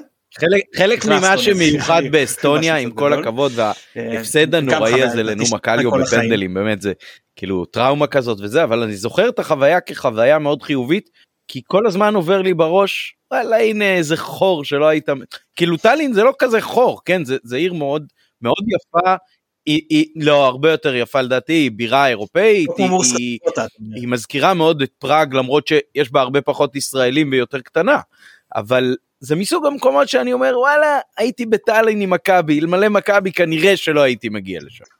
כן אז אז ושני המשחקים האחרים הם היו אה, בשבוע שאחרי לידה של הבן השלישי והבית לתפעל עם אישה אחרי לידה עם תינוק קטן עוד שני ילדים קטנים אז אז זה מה לעשות לא הסתייע לנסוע לקריית שמונה במצב כזה.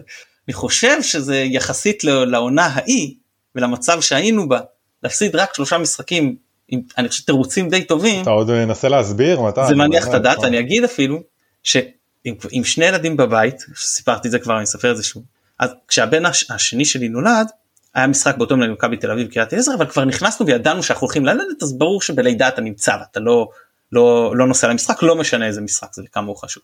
מבחינתי לפחות אה, שנקרא ככל שאתם יודעים כמה אני פנאט למכבי יש גם חרדי יפסיד uh, תפילה של יום כיפור אם הוא צריך להיות בחדר לידה מה לעשות אבל בשלישי עוד לא ידעתי שזה עדי הייתה שבוע 41 פלוס והיה משחק בטרנר שזה די רחוק הייתי אומר ונסעתי למשחק. והפסדנו אני חושב הפסדנו 4-0 אה, עם הסיפור של סן מנחם וזה ועוד נשארנו לעודד לא לא זה לא היה משחק שהפסדנו 4-0 אני חושב שזה היה משחק שהפסדנו 2-0 סליחה 2-0 4-0 זה היה בהמשך באותה עונה. הפסדנו 2-0 ונשארנו דקות ארוכות אחרי המשחק לעודד עם המשתגע הדופק עולה ואחרי זה נסענו ועד שאתה יוצא מהחניון בטרנר אנחנו עושים בדרך וחבר שלי תומר השש נהג אה, באוטו עורך דין תומר השש הוא אומר לי יש לנו פה תחנת דלק איזה אה, עד הבית שלך ואני בדיוק רואה שאנחנו עוברים אותה נראה לי עכשיו עברנו. קיצור אנחנו כבר בלי כמעט בלי דלק בטנק מתחילים לבדוק בווייז איפה יש עכשיו תחנת דלק קרובה וזה מתחיל להתברבר להסתבך בסוף מצאנו הגעתי הביתה באחת וחצי חזרה מטרנר כולי רצוץ ובשתיים וחצי אשתי ראה אותי שאתם הולכים לבית חולים.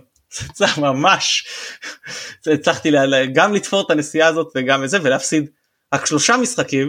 הספקת להגיע רגע לפני שתם מועד ההעברות זה ממש ממש בזמן. ממש. כן, כן. Uh, טוב אני דיברנו קצת על קונפרנס אז uh, אני אגיד אני אדבר על שני משחקים מהחלק השני של העונה שאחד זה זה כאילו קצת אנטי highlights כי אחד זה הניצחון 4-1 בבית על נתניה שנדמה לי שזה המשחק הראשון שאחריו השתמשתי במשל הזה של הכוס שמונחת בקצה השולחן ועוד רגע אה, נופלת ונשברת. ואבא שלי שאומר לי מה אתה לא מעודד את אצילי אוקיי אבל לפחות תקום ותמחא כפיים ותחייך קצת אנחנו מובילים 2-1 וזה 10 דקות לסוף. ושדי העבר הטרידו אותי זאת אומרת מכבי יכולה להיות מאוד מאוד חזקה בראש ומנטלית ועל הדשא וזה כל הכבוד למכבי אבל אני אוהד של מכבי ואני רדוף טראומות ואני יושב פה חרד ביציע ואני מבוהל ממה שאני יכול לאבד. אז זה מה שהרגשתי שם ו- ובשער השלישי וברביעי כמובן אה, היה מאוד uh, נאה ומשמח ואחלה. והשני זה המשחק שהיה באשדוד שבו באמת זה היה כבר מצוקה יותר קשה והשוויון שלהם אחרי שירקנו דם בשביל להבקיע את השער הראשון אה, ודווקא שם כל מיני חילופים כאלה, פתאום אה, דין דוד ופתאום אה, צ'יבוטה וזה, ומכבי פתאום מגיעה לעוד הזדמנות ועוד הזדמנות בסוף, וידעו לקחת את זה על עצמם, ובאמת מתן הזכיר קודם את ה-2-2 בבלומפילד נדמה לי, או 1-1 בבלומפילד עם שרי, שאחריו הוא, הוא צעק לעצמו יש אליפות, אז פה אני אחרי ה-2-1 באשדוד התחלתי לתלות uh, צעיפים של מכבי במרפסת שחלק שלחתי לכם בתמונות אז יש פה גם את הצעיף של ההפסד בגנק בפנדלים גם את הצעיף של uh, גמר גביע המדינה מ-2016 גם את, ההפסד, את הצעיף מההפסד בשנה שעברה בברלין 3-0 uh, והצעיף בברלין פה מזכיר לי את מה שהבת שלי אמרה לי לפני נדמה לי שבוע קצת אחרי שזכינו באליפות. אז אמרה לי תחשוב על זה שרק לפני שנה וחצי האיצטדיון לא היה מלא במשחקים של מכבי בשלב הבתים בקונפרנס. אז תראו, זה סיפ... כן, בסדר, מאה אחוז, כן, אבל זה סיפור, אחוז. זה סיפור אחר, כי היה שם המחירים לא, לא, וזה. מתן, לא צריך לא, להכין פה כתב הגנה לקהל של מכבי אחרי העונה וחצי האחרונות. אני אומר, איך כאילו, איזה, איזה קפיצה המועדון הזה עשה. נכון שהיו אז סיבות אחרות, אבל העובדה ש, שמאז פברואר האחרון פחות או יותר, הלפני אה, האחרון. אי אפשר כמעט להשיג כרטיסים למשחקי הבית וזה נהיה תופעה בעיר ובאזור ובמדינה כולה שאתה מקבל טלפונים ו- וקריאות מאנשים של וואלה אני חייב כרטיס אני חייב כרטיס. עכשיו ברור לי שחלק מהאנשים שפונים אליי זה אנשים שיש להם כרטיסים. הם פשוט מקבלים וסופגים המון פניות אחרות. פנה אליי מישהו מהשכונה אה, של ילדותי שלמד שכבה או שתיים מתחתיי, שאני מכיר אותו מאז כאוהד אמיתי, ו- ואני רואה אותו ביציע שבוע אחרי שבוע, ואפילו ב-3-0 שהיינו אה, באשדוד בזמנו, שעמדנו ביחד מאחורי השער, אז הכרטיס שהשיגו לי היה הכרטיס שעל שמו, אז, אז אני מכיר אותו, אוהד ש- שברור שבא. אה, עמית, רק, רק, רק בוא ניישר קו, אתה יודע שכל האנשים האלה, שכולם שליחים כן. של אבו פאני, שצריך להשיג כרטיסים ל-1500 אנשים במשפחה שלו. משפחת אבו פאני מפעילה בוטים. זה לא, לא באמת כזאת מסתר, זה הכל אבו פאני. תוך כדי נכון, הפרק נכון, נכון. נזכרתי שיש שחקן אחר שקוראים לו מוחד אבו פאני. כנראה שכן, נכון? נכון, אבל דרך אגב, רגע ההיילייט של אה, הראיון והחשיפה הבלעדית היא משהו כן. שלדעתי עבר מתחת לרדאר, זה הכינוי של פיירו. הוא קרא לו פונזי, הוא קרא לו פונזי, אז זהו. פונזי, נכון. נכון. מקווה שלא על שם אה, אז זהו, אז אלה הרגעים שאני רוצה ככה להיזכר בהם מהחלק השני של העונה. אה, בואו תבחרו, כן, בבקשה, יאללה, שלב הנתונים. סשן מספרים של נדב ושלי, נדב ייתן שניים, אני אחד, על כל שניים של נדב אני אתן אחד. טוב לגבי האחוזים של אחוזי הצלחה וזה זה כאילו מתן אתה נגעת בזה אבל זה לא קודם כל המאזן בית היסטורי 96% בבית זה משהו שלא יודע מתי יקרה שוב אה, שזה מדהים אה, גם עם אה, בכר גם עם באר שבע אלו נתונים די יפים ולא ברמה הזו בטרנר. דברים המרכזיים ככה קודם כל אצילי זה קצת פרסונלי אצילי עם מעורבות בשער כל 89 דקות בליגה ו-94 דקות, כל 94 דקות בכל המסגרות, שזה בעיניי די פסיכי, ומה שאני חושב יותר מעניין זה שמאז שהוא הגיע למכבי חיפה, מתוך כל המשחקים שהוא היה מעורב בהם בשערים, זה שזה 46 משחקים, ניצחנו ב-40, 4, 4 יצאו תיקו ושני הפסדים, זאת אומרת כמעט 90 אחוז הצלחה אה, של משחקים כשהוא מעורב בשערים. זאת אומרת, אפשר להגיד הפוך, שכדי שננ... כאילו, כדי שננצח צריך שאצילי ישים גול, כמובן שזה לא, אין פה בהכרח קשר נסיבתי, אבל, אבל זה די מטורף, כאילו כמה, כמה הוא משמעותי על ה... אה, בהצלחה שלנו. ומצד שני, כשמשחקים שהוא לא היה מעורב בהם בשערים, שזה 43, ניצחנו רק ב-21 ו-9 תיקו ו-13 הפסדים, זאת אומרת, אחוזי הצלחה יורדים ל-56. זה משהו שאפשר לבדוק אותו סטטיסטית עם כל מיני מבחנים וזה לא נכנסתי לזה אבל יש פה כאילו עניין מאוד מאוד משמעותי. אמ, וזהו ומשהו משהו אחרון רק אה, מתן לפני שאני אעביר אליך את השרביט אה, גם המעורבויות בשערים אני חושב שמעבר להצילי יש עוד שחקנים שכמו סבא למשל שהיה מאז שהוא הגיע אלינו מעורב בכל כאילו כל 124 דקות בשער זה בעיניי מאוד מרשים כי הוא הגיע אה, באמצע העונה ונכנס. זה, זה אינדיקציה מאוד יפה שהוא נכנס מאוד יפה לקבוצה ו, ותרומה ממש מדהימה ביחסית בזמן קצר. אמ, וזהו ואני חושב שגם סק יש פה נתונים מאוד מאוד משמעותיים שלו. אה, אתה רצית לגעת בזה אתה מתן או שלא רוצה לקחת לך אבל אה, סק יש פה ארבעה שערים הוא מוביל את הליגה מבין הבלמים בכיבושים אה, גם חבשי כבש ארבעה אבל כולם בפנדל. פנדלים, הוא מוביל את הליגה בין הבלמים במאבקים מוצלחים יחד עם לוקאסן. דרך אגב זה מאוד זה מאוד מאוד מרשים מבחינת לוקאסן. מה שעוד יפה זה שהוא שני בליגה. כי סק הוא לא סק הוא, הוא כזה ארוך ולוקאסן הוא קצר מדי. לוקאסן בלם מצוין ומה שעוד מגניב זה שהוא שני בליגה מבין הבלמים בהגעה למצבי אבקה פר דקות משחק זאת אומרת זה לא רק שהוא גם כבש אחרי הרבה הוא גם בעיקר המצבים הנייחים אני מניח לא בדקתי את זה אה, לעומק אבל זה זה כנראה שזה שזה נופל שם אז זה דברים ככה מעניינים שנראה לי ששווה להזכיר. וואו אני רק חושב על צמד הבלמים הזה וכמה יש גבול לכמה אפשר לדבר על, על זה כן פרק סיכום העונה ודברים שכבר עברנו אבל יואו איך הביאו אותם ברור שזה עבודת הכנה מטורפת אבל כש, כשאנחנו יודעים איזה צוות נהדר יש במישור הזה אבל מעכשיו לעכשיו כאילו פלניץ' עוזב טאק מנחיתים את השניים האלה אחד כבר בכושר משחק השני אה, לקח לו זמן אבל ראינו מה הוא שווה שניהם בלמים פשוט מצוינים. לא יודע איך, איך הצליחו באמת פשוט סחטיין ענק לכל מי שקשור לזה. ו... חמישה זרים חדשים שהביאו וכולם בינגו. חמישה. כן, יש כאלה שיגידו שפיירו פחות אבל לא חשוב אבל זה, זה מבחינתי. שלחו השבוע שלחו השבוע את הכותרת לא, שכשסק הגיע אז כאילו האוהדים בבלגיה אה, אמרו משהו בסגנון של אה, קנינו חתול בשק ולא שווה כלום והכל, אז אה, זה מרשים אולי אפילו עוד יותר במובן הזה של לקחת מה שנקרא מנודים ממקום אחר ולדעת איך אתה יכול לנצל אותם ולברור מתוך היכולות של מי שאתה מחפש את היכולות שמתאימות לך ולא בהכרח תרמו במקום אחר זה זה לדעתי כאילו עוד מדרגה על לראות מי טוב ומי לא טוב, לראות מי מתאים ומי לא מתאים. scouting טוב, scouting טוב נותן יתרון עצום, עצום ב, ב, ל, ל, זה בכדורגל. חצי הרכב. זה חצי הרכב. חצי הרכב שהגיע העונה אחרי שלקחת אליפות. תארו לעצמכם, תזכרו, תזכרו איזה זרים הגיעו אלינו בעשר שנים הגרועות, איזה זרים הגיעו לפה. אוקיי, אלושי וכל מיני שחקנים לא שחקן רע לדעתי אלושי.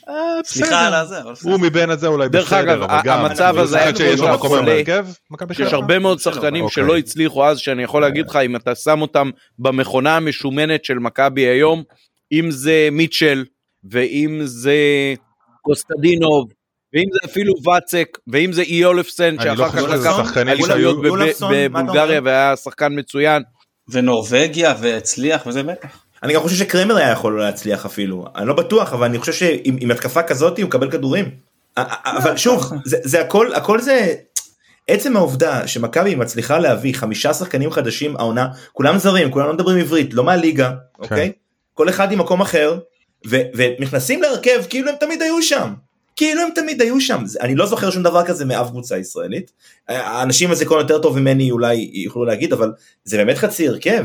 ו- וראינו אגב את החשיבות שלהם כשאחד מהם נפצע, כשקורנו נפצע או כשסונגרן נפצע, ופתאום קלטת וואו אוקיי יש פה יש פה שחקן שלא רק ששם את המקום שלו בפלומבה כאילו הוא חייב להיות שחקן פותח אלא לא הבנת איך הסתדרת לפניו. לא הבנת איך אני עד היום בשוק באמת שלקחנו אה, אליפות עם רז מאיר. עכשיו זה לא שרז מאיר שחקן גרוע זה לא שסתם מנחם שחקן גרוע אבל עצם זה שהצליחו להשתפר הם שני, אתה יודע, סן היה בנבחרת. חלק מהשיפור דרך אגב שממעטים לדבר עליו, ואולי בצדק, כדי לא לעורר אש, זה היכולות מול משרד הפנים. זה, זה חשוב מאוד, זה חשוב מאוד. אה, אה, עושים את זה פה הרבה מאוד זמן, וכל יהודי טוב שעלה לא, לארץ. לא מבין, לא מבין, לא מבין למה מכבי לא מוצאת, לא, אה, לא מוצאת עוד אף חרדי כדי לשלב בסגל שלה, שיוכל לסייע במקומות שצריך לסייע. כן. אני רוצה להגיד שאם הזרים זה באמת לאלברמן וצוותו, אז סבא זה במחילה לא קשור אליהם זה אין, אין פה איזה scouting אין פה לג... אתה יכול התאמה לקבוצה וזה אבל כולם פה כולם ידעו מה סבא שווה וכולם ידעו שהוא שחקן ב top הישראלי שחקן אה, התקפה מדהים ומגוון ועושה חייל בטורקיה. אה, למרות שאני חייב להגיד לך שאני ידעתי שהוא טוב אבל לא האמת שהוא הפתיע אותי עוד יותר אני הוא הרבה יותר טוב ממה שחשבתי.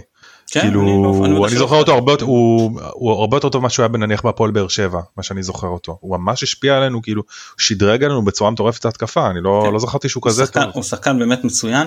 אמ, זה גם פה עוצמה של מועדון שהוא העדיף לוותר גם על הצעה יותר גבוהה ממקום אחר אה, ובכלל צריך להחמיא פה אני חושב ליעקב שחר שגם ידענו לבקר אותו בחלק מהעונות על זה שהוא ידע לשחרר לאלברמן ועל זה שהוא ממשיך עדיין עם, ה, עם התשוקה ועל זה שאני לא, לא ידעתי אמרתי שהיו עונות שאמרתי שאני לא יודע אם זה עדיין קיים כאילו ואנחנו רואים שכן.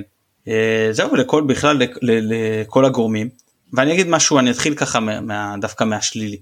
היו לא מעט בעיות עם הקהל שלנו. והערנו ויש דברים כמו שירים נוראים שאנחנו מקווים שיעלמו וקריאות והשלכת חפצים והאבוקות שגם אם מחזיקים אותם ביד וזה לא מסכן ואני מסכים אתם יודעים כאילו מה העונשים וזה גורר והכל ועדיין התצוגות תכלית העוצמות שהקהל הביא השנה היו שוות לנו נקודות שלוש פעמים חמש ספרתי בחוץ אני שוב אומר את זה שלוש פעמים מספר חמש ספרתי בחוץ האם אני לא טועה בכל שאר הליגה הייתה פעם אחת של בית"ר ירושלים בדרבי חוץ. לא חושב שאף קבוצה אחרת הביאה למשחק חוץ אה, מספר אה, חמש ספרתי. שלוש פעמים אנחנו עשינו את זה באותה עונה. זה, זה נתפס בכלל הדבר הזה מה לא היו קבוצות אחרות שרצו לאליפות שאומרים שזה כאילו אפשר להגיד קהל הצלחות או לא יודע מה. ההצגות גם מבחינת עידוד גם מבחינת כמויות מעל 27 אלף בבית ומעל 6,500 בחוץ והמספרים האלה הם מוטים כלפי מטה כי הם אה, אה, ניזוקים מתכולת האצטדיונים. כמה משחקים לא היה סולד אאוט? היה שתי חרמות בטדי של הסולד, היה חדרה שפתחנו גם חלק מהמערבי בשנייה האחרונה ואז הספקנו להביא רק 8,000, כן רק 8,000 למשחק החוץ בנתניה כי לא הספיקו עוד לרכוש את המערבי עד שזה נפתח והכל. זהו אני לא, אני לא חושב שהיה עוד משחק כאילו שהפשחנו אה, כרטיסים על הרצפה זה פשוט היה בטח שבבית אין מה לדבר. לפעמים אתה רואה שזה כרטיס זהב השתחרר ברגע האחרון אז לא ככה רכשו כן, אני לא מדבר על זה, אבל בגדול, זה, פשוט... זה, אה, זה אה, מצחיק, אה, קיבלתי אתמול באיזה קבוצה שאני בוואטסאפ שמישהו שאוהד נתניה ששלח סרטון של האוהדים שלהם אתמול בואנה תראו איזה הצגה עשינו בסמי עופר ואני אומר על מה אתה מדבר? אנחנו כל שבוע כבר במשך כמה שנים כאילו עם זה כזה דבר כאילו כמובן בלי לזלזל כאילו זה כל הכבוד להם שהוא את סמי אבל זה אגב אתה רואה איך זה שמכבי מארגנת אירוע ברור. איך זה שההתאחדות או שהפועל מארגנת גם באווירן וזה נראה לא טוב. תכננתי ללבוח על זה אבל אה, אנחנו מתעסקים בדברים כיפים ולא זה. אמר תראו שנייה שנייה עופר תן לסיים. אמר אני, אני מאוד דיסקרטי במה שאנשים ממכבי אומרים לי אני אני אני מקווה שאני לא חורג פה כי אני חושב שזה נאמר לי בציטוט. אני כמעט בטוח אני אם לא הייתי כמעט בטוח לא הייתי אומר את זה. אז דודו אם איכשהו אני אומר פה משהו שאסור לי אני ממש ממש מתנצל אני לא חושב אני חושב שאתה מרשה לי להגיד את הדבר הזה שאמרת לי.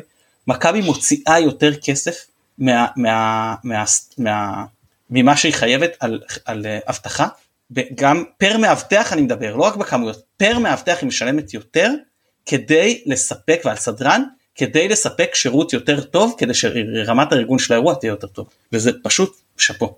אני רוצה לשנות נושא רגע, אנחנו יודעים מי שחקן העונה, אה, לא צריך להתווכח על זה, אבל... אנחנו נשאל ונגיד אה, כל אחד... רגע, רגע, הוא כנראה שחקן העונה, שמת את המספרים שלו, אין מה להגיד פה יותר מדי, בוא. כאילו אני גם אני עם כל המטען שיש אני לא אתווכח בסדר? הנה קיבלתם פה הודעה חשובה. חוץ ממנו מי שחקן העונה שלכם? כאילו מי השחקן השני שהוא כאילו הכי טוב במכבי עונה אחריו בעיניכם. קודם כל כי הוא התראיין אצלנו. דבר תסביר למה. אה, קל. תראה אתה יודע מה בוא ניקח אה, כדוגמה את מה שהלך בפלייאוף אז פלייאוף מצוין 22 נקודות נכון מתן? אוקיי. אז פלייאוף מצוין 22 נקודות אה, בטח לא פחות מהפלייאופים הקודמים לפחות יותר טוב מאחד מהם. כן. כן. אה, שבעה ניצחונות תיקו ושתי. רוב הדקות הטובות והניצחונות היו כשהיה קשר אחורי אחד וכשבחר בכר לשחק עם קשר אחורי אחד אז זה לא היה מובן מאליו שזה יהיה דווקא אבו פאני וזה היה הוא. ולא עלי ובטח לא ג'אבר וגם לא גוני שלכאורה יכולת להגיד אוקיי אז אם אני משחק רק עם אחד אז אשחק עם אחד שהאוריינטציה שלו היא 100% מ-100 הגנתית. והיתר החבר'ה שלמעלה השתוללו וכמה שהם יוכלו לעזור הם יעזרו אבל הם יעשו את ההתקפה ואלה יעשו את ההגנה. ולא.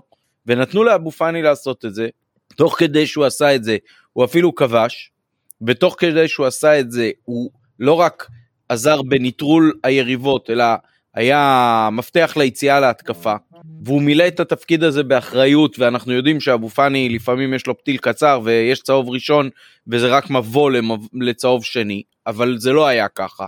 ולאורך כל העונה אני חושב שהוא כאילו בנה את עצמו, אה, אתה יודע, כמו, כמו מישהו שמכין את הקייס שלו. אז הוא הכין לאורך כל העונה את הקייס למה הוא צריך להיות הקשר האחורי היחיד כשיחליטו לשחק עם קשר אחורי אחד בפלייאוף ולהביא את האליפות. והוא באמת, תשמע, כל שנה יש קצת תסכולים מזה שהוא כן מצליח לצאת לאירופה, לא מצליח לצאת מאירופה, לאירופה. אבל uh, בסוף אתה מקבל שחקן שהנה במשחק שהזכרנו ביוון נתן את הרביעי כשהוא עלה כמחליף מעוצבן ומתוסכל.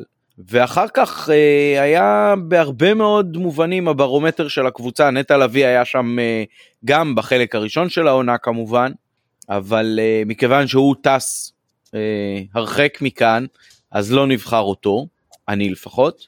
אה, אבל אבו פאני נתן לדעתי את, הבלנס הזה, את היכולת של, של בכר יכול היה להיות אמיץ מה שנקרא, לא רק בגלל שהוא שמח על השחקנים ההתקפיים, אלא גם בעיקר כי, אתה יודע, זה כמו אה, מין אה, ציר מקשר כזה, בין חלק א' לחלק ב', ובלי הציר המקשר, שני החלקים האלה נופלים וקורסים ולא מצליחים להמשיך לאורך הדרך.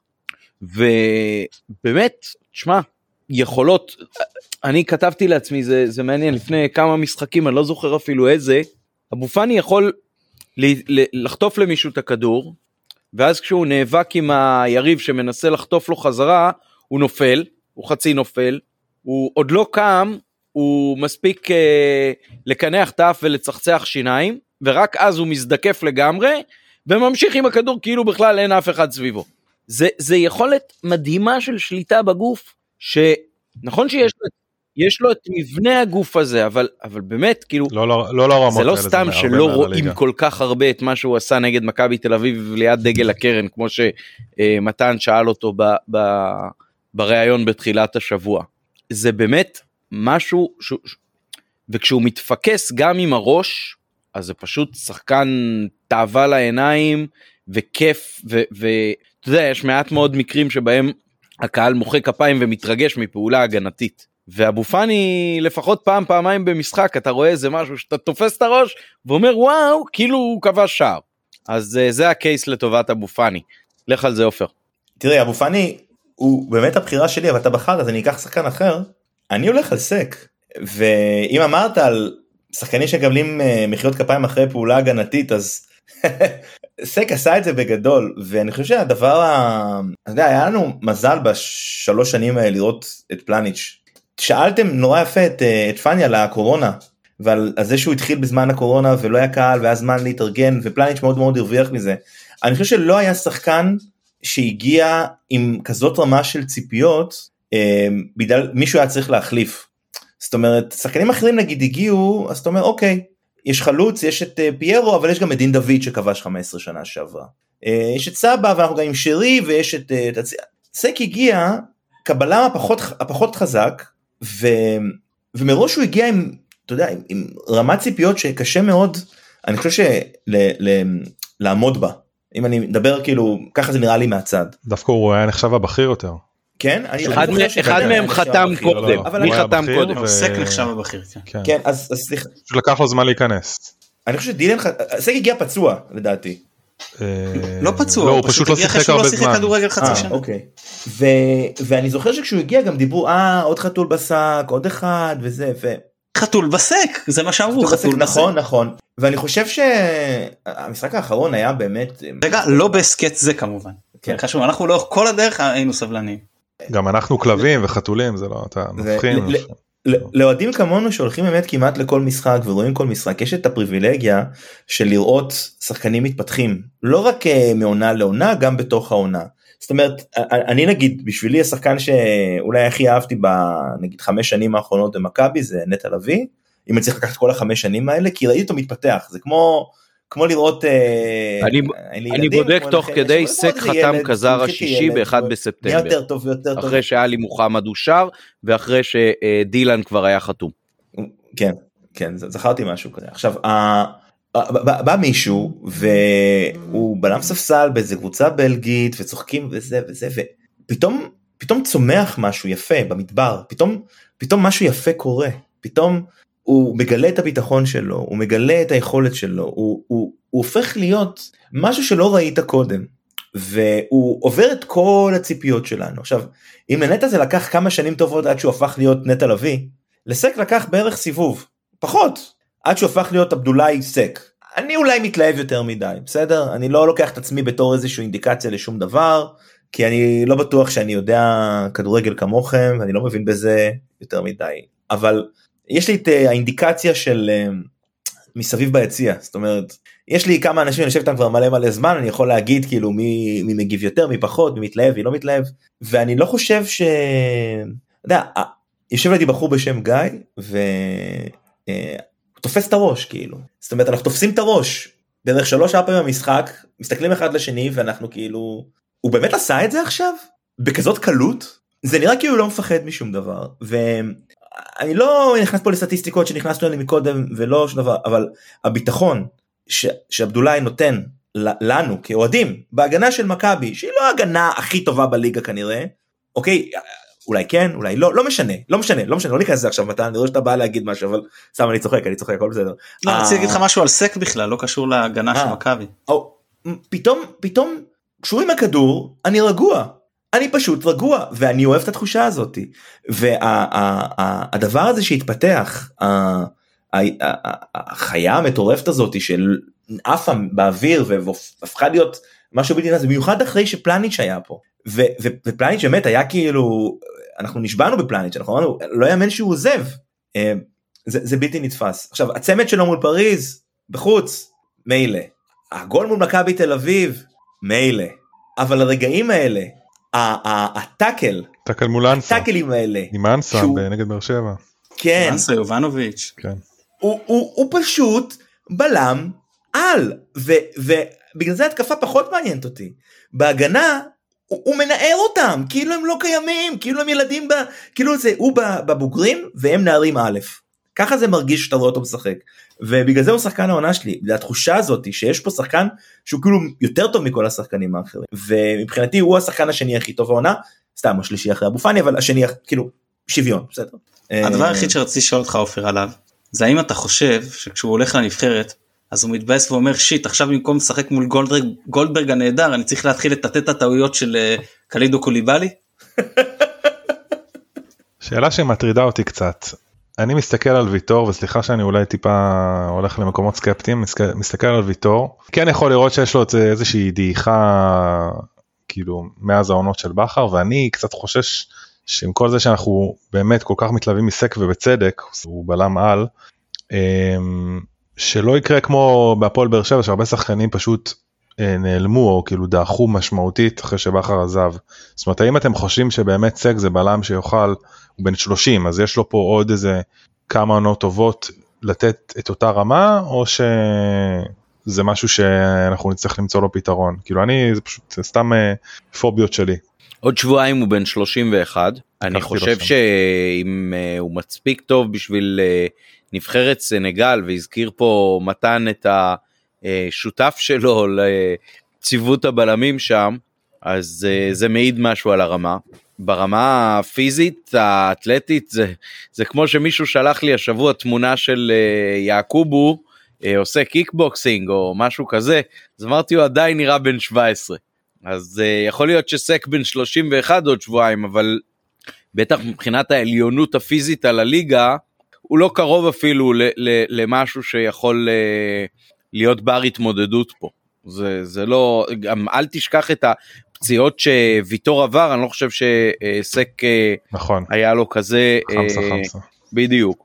אז אני לא חושב, השאלה הזאת היא, היא, היא בטח לא רלוונטית כרגע, בטח לא לשחקן הגנה, תראה, אם, אם כבר אני, אני חשבתי שלכוון את השאלה הזאת אז על מישהו כמו שרי, שהגיל שלו הוא קצת יותר מבוגר, נדמה לי 34 כבר עכשיו בקיץ, והאנרגיות שהוא נדרש להם, ואנחנו רואים את ה-ups and downs לאורך העונה, ודווקא זה השחקן שהייתי הכי הרבה רוצה גיבוי, גם חלילה למקרה שהוא לא יהיה לנו כשיר בחלקים של העונה הבאה, וגם במבט צופה פני עתיד, זאת אומרת, ההישארות של סבא חשובה כשלעצמה, חשובה כפליים כשמסתכלים על יום הולדתו של שרי אהובנו.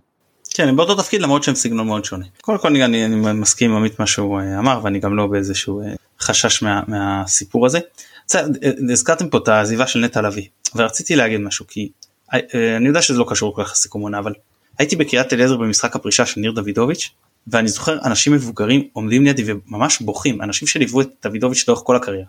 עכשיו אני זוכר את דוידוביץ' עולה מה, מהנוער שלא תבינו לא נכון אבל אז גם הלכתי לפחות משחקים ומן הסתם הגיל איפה שגרתי וגם זה שונה הוא, אני עוד הייתי ילד והוא היה כבר הוא עלה ב... שהוא עוד היה נער.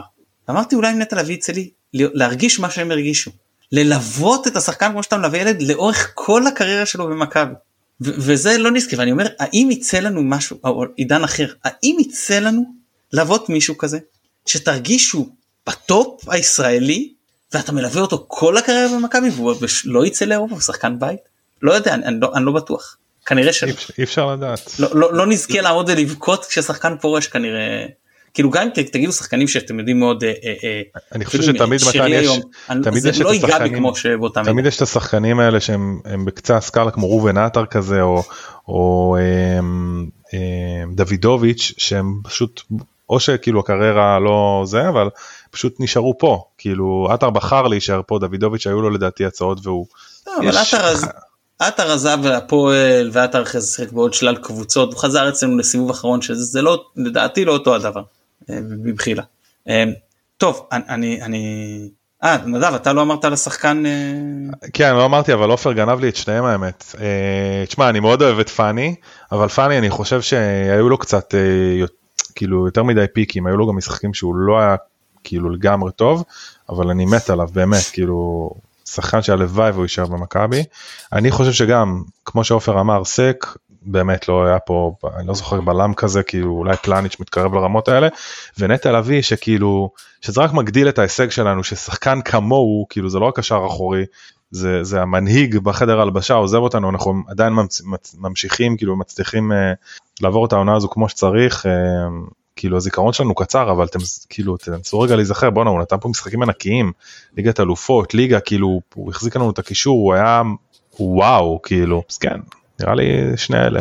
עופר אתה זה. אני אני חושב שחשוב להזכיר גם שלאורך העונה אה, דובר באמת כל פעם גם על מישהו אחר היה השלב שבו אמרנו קורנו זה הזר כרגע מספר אחד מתוך מי שהביאו.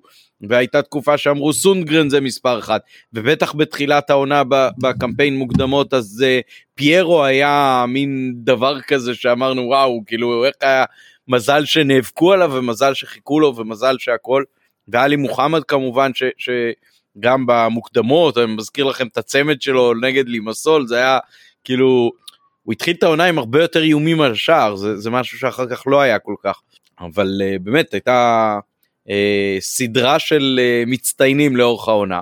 באמת בסוף המספרים מדברים אין מה לדבר. אני אגיד נדב הזכיר את שלא הזכרתי את הנתון על פירו אז אחד פירו כבש העונה ב-12 משחקים 14 שערים ניצחנו את כולם. וגם כמו שעופר הזכיר כשהוא פותח אחוזי ההצלחה שלנו הם אה, פשוט פסיכיים. אני אגיד תראו אני חושב שבחלק הראשון של העונה נטע לביא היה הכי טוב. אני חושב שמשלהי הסיבוב הראשון סק היה הכי טוב. בהיבט של עונה שלמה אצילי הוא שחקן העונה. גם לאבו פאני מגיע השחקן שאני רוצה לשים עליו מבחינתי את הזרקור זה דולב חזיזה. חזיזה העונה נזרק והותח לכל עמדה בכל מערך בכל וריאציה בניגוד לשחקנים אחרים כפי ששמענו חלקם uh, את העדויות של הצוות המקצועי חלקם את העדויות שלהם עצמם לא עשה פרצופים לרגע.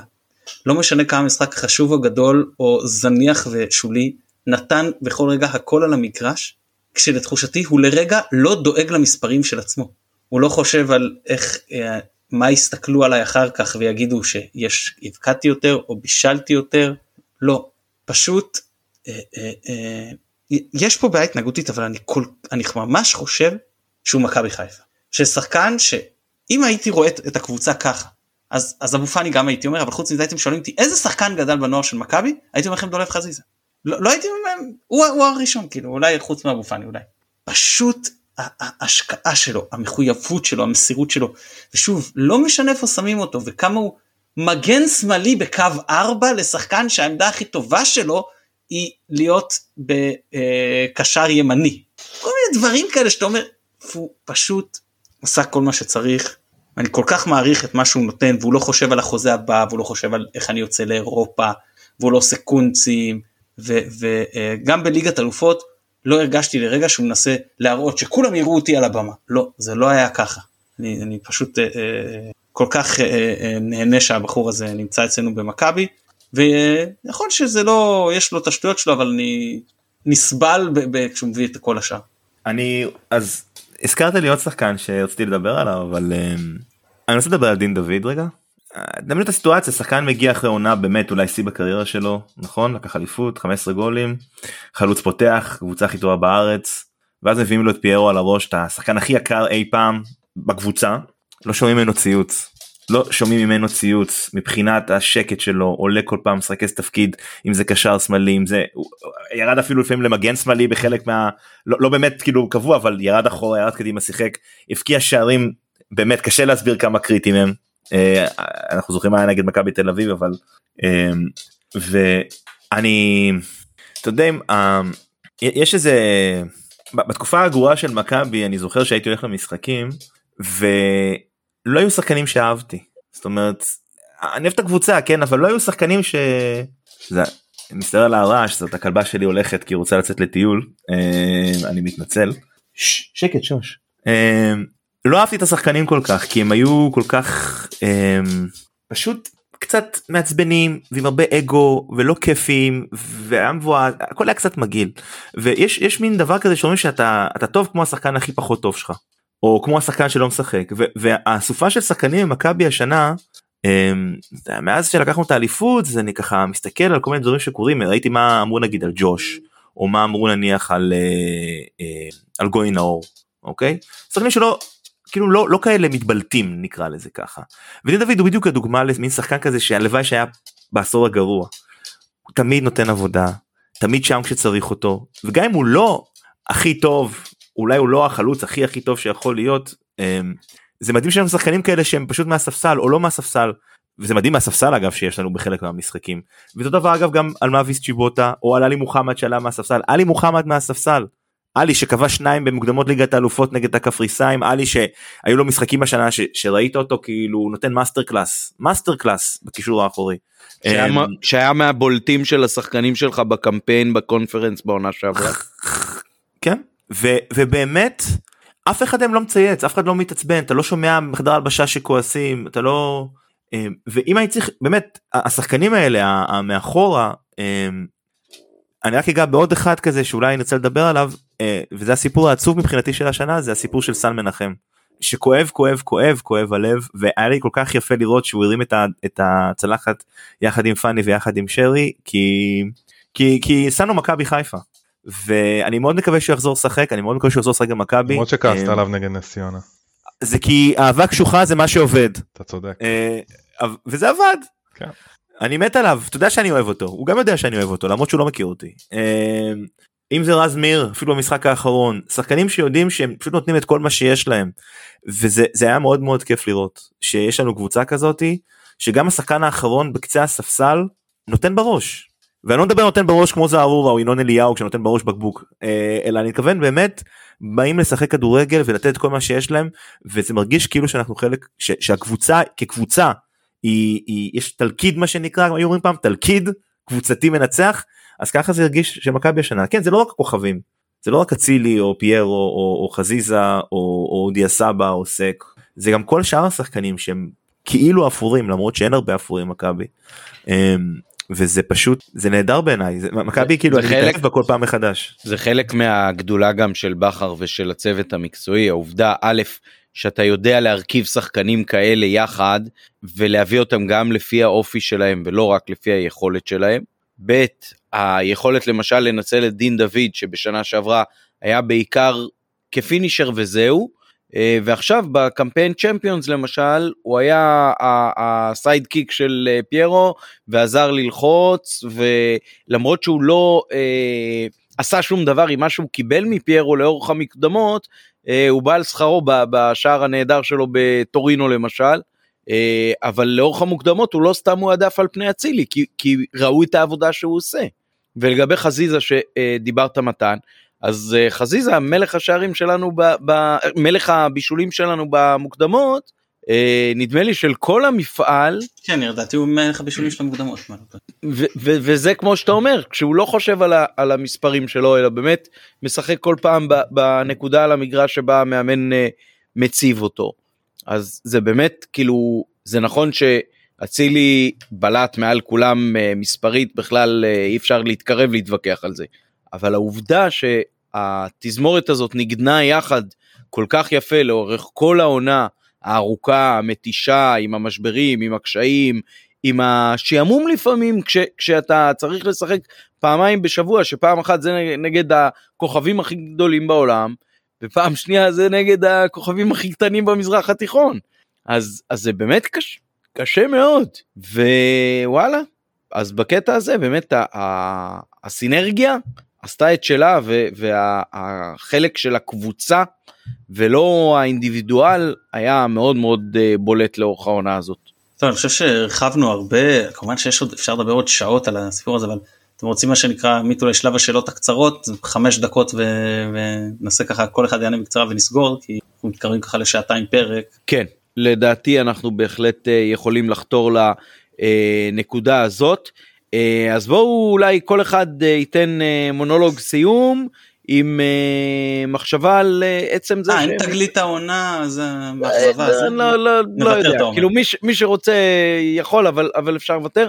מבחינתי יותר חשוב להגיד, כאילו, העונה הזאת בהשתלבות עם השושלת בכלל של בכר, כי אנחנו מסיימים פה עונה, אבל מסכמים גם שלוש שנים באיזשהו מובן. אז בוא, נדב, תן את המילות סיכום שלך.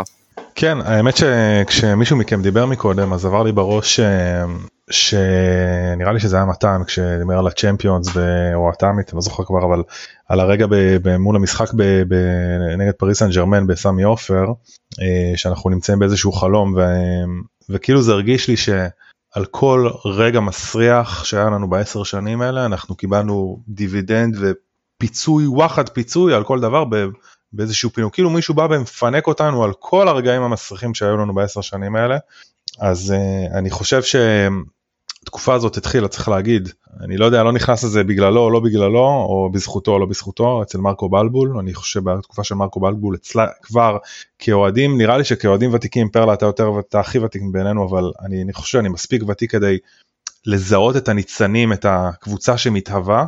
ושם הרגשתי וזה כבר, שם זה כבר התחיל להרגיש כיף כי אתה יודע שהולך לבוא משהו טוב, וזה התחיל שם, וזה באמת, אה, אני מעריך שזה כאילו ייגמר, כאילו נגמר עכשיו, אבל, אבל באמת פה זה המבחן, כאילו אני אמרתי את זה מתחילת העונה, אני חושב שעכשיו זה המבחן של המועדון, של, של אלברמן, לאיפה אנחנו מסתכלים הלאה. אמ, השושלת הזו הייתה אני חושב שהיא הייתה הכי טובה אולי. אני חושב שהייתה התקופה הכי טובה של מכבי אני הרבה פעמים אני נכנע לנוסטלגיה ואני אומר לא פרלה יותר טוב משרי ולא לא. אני אני כאילו התעשתתי על עצמי ואני חושב ש, שכן יש פה משהו גדול ש, שלא נעשה עד עכשיו. כדורגל מדהים וניצחנו פה הרבה הרבה שדים ואני מקווה ש... שעונה הבאה גם אם לא תהיה אליפות ומתן ואני דיברנו על זה זה בסדר אבל שזה לא יהיה עכשיו התרסקות אלא שזה יהיה משהו שאנחנו ככה נחיתה רכה שאנחנו נוכל להמשיך לצמוח ממנו הלאה. ריגשת מתן. בוא בוא שים לב לשעון. עופר לפניך אז יאללה עופר. אה, קודם כל לא עשינו את זה אבל לדעתי פריצת השנה בלי צל של ספק זה השיער של קורנו אחרי הפגרה. כולנו קרחים פה ואנחנו מאוד מקנאים. אה, קודם כל קורנו אה, אוקיי. אבל הוא באמת צרפתי כן.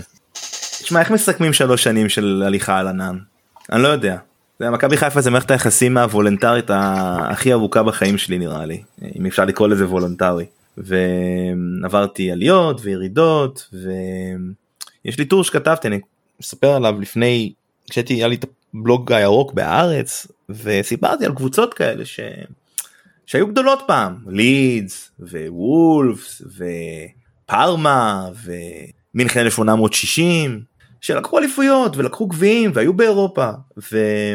וכאילו אם אתה שואל אוהד של וולפס בשנות החמישים הוא לא היה חושב שזה יהיה לו ככה כאילו 50 שנה בליגות הנמוכות ומכבי לא תהיה בליגות הנמוכות כנראה אני מאוד מקווה כל עוד אני חי אבל אבל חשבנו שכאילו אני חשבתי בסדר לא יודע מה איתכם שזה הסוף ושזה לא יחזור.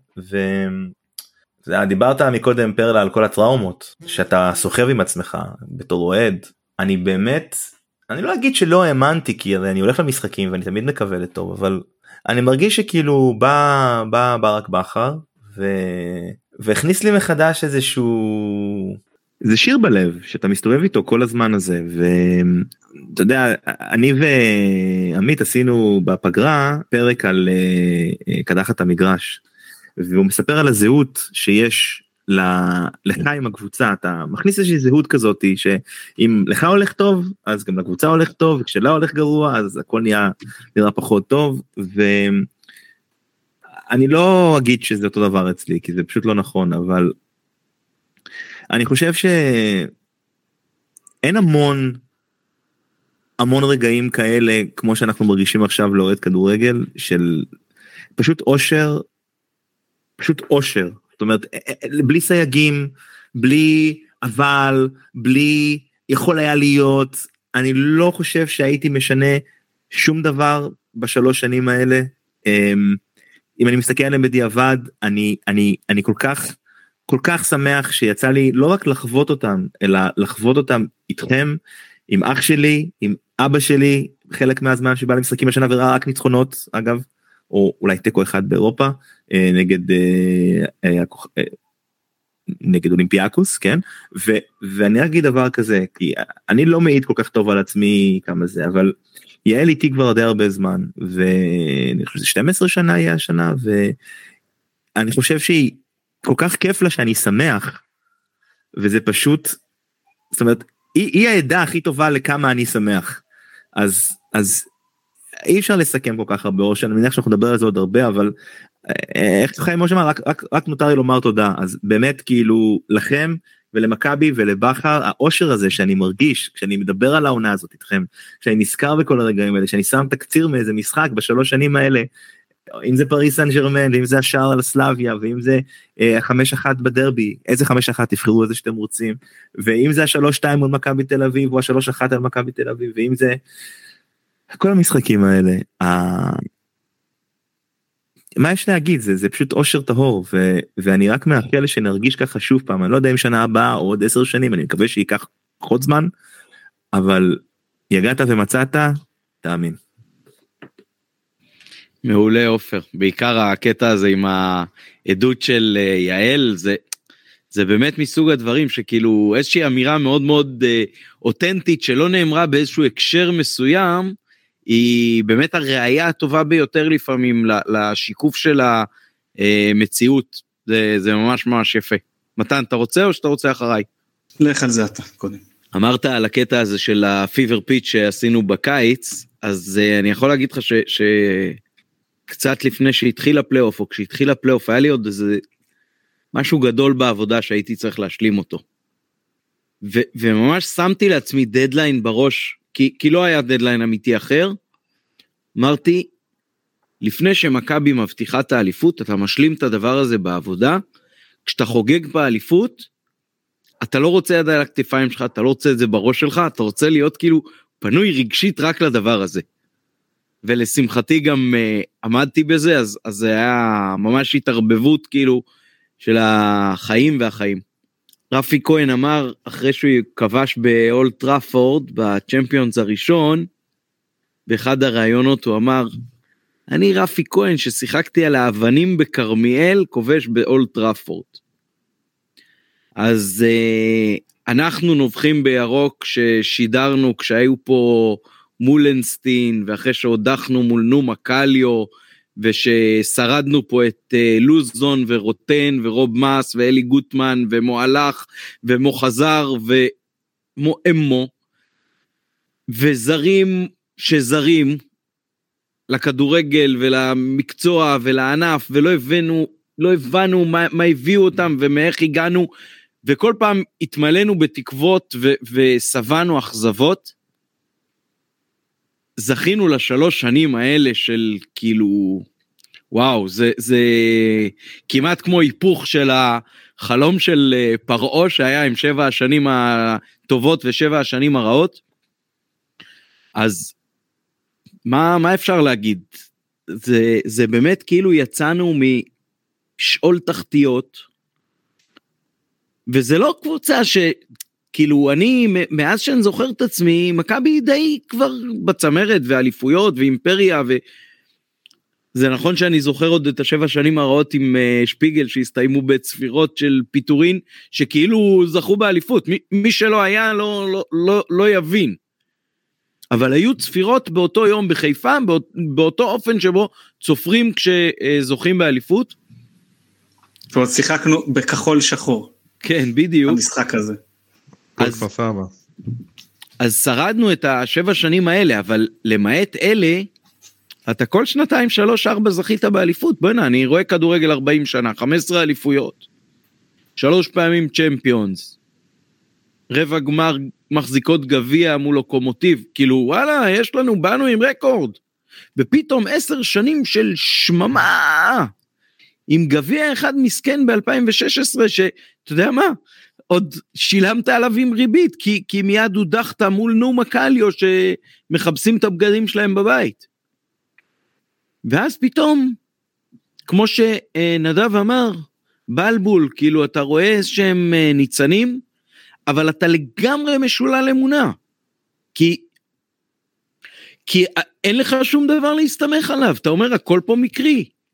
וזה הצחיק אותי שדיברו על תהליך בהקשר של בלבול, כי בלבול לא הגיע בתהליך, בלבול הגיע כפקק בגלל שלאלי אה, גוטמן אה, שוב אה, הלב לא עמד במשימה. ואחר כך חיפשו וחיפשו והיה על הקווים רוב מס ואיתי מרדכי וזה, לא יודע איך חשבו למרוח שם את המשך העונה ההיא. אבל בסוף הביאו את בלבול. ולא ידעת מה יבוא אחריו. ובמזל גם בא בכר וגם צמח אלברמן מתוך המועדון ומישהו קלט שאפשר למנף את זה, תבוא הברכה על מי שתבוא בהקשר הזה שידע להביא את אלברמן, לטפח את אלברמן, להשאיר את אלברמן, לממן את הקורס של אלברמן, ווטאבר. תבוא עליו הברכה, באמת. זאת הייתה החלטה משנה כללי משחק.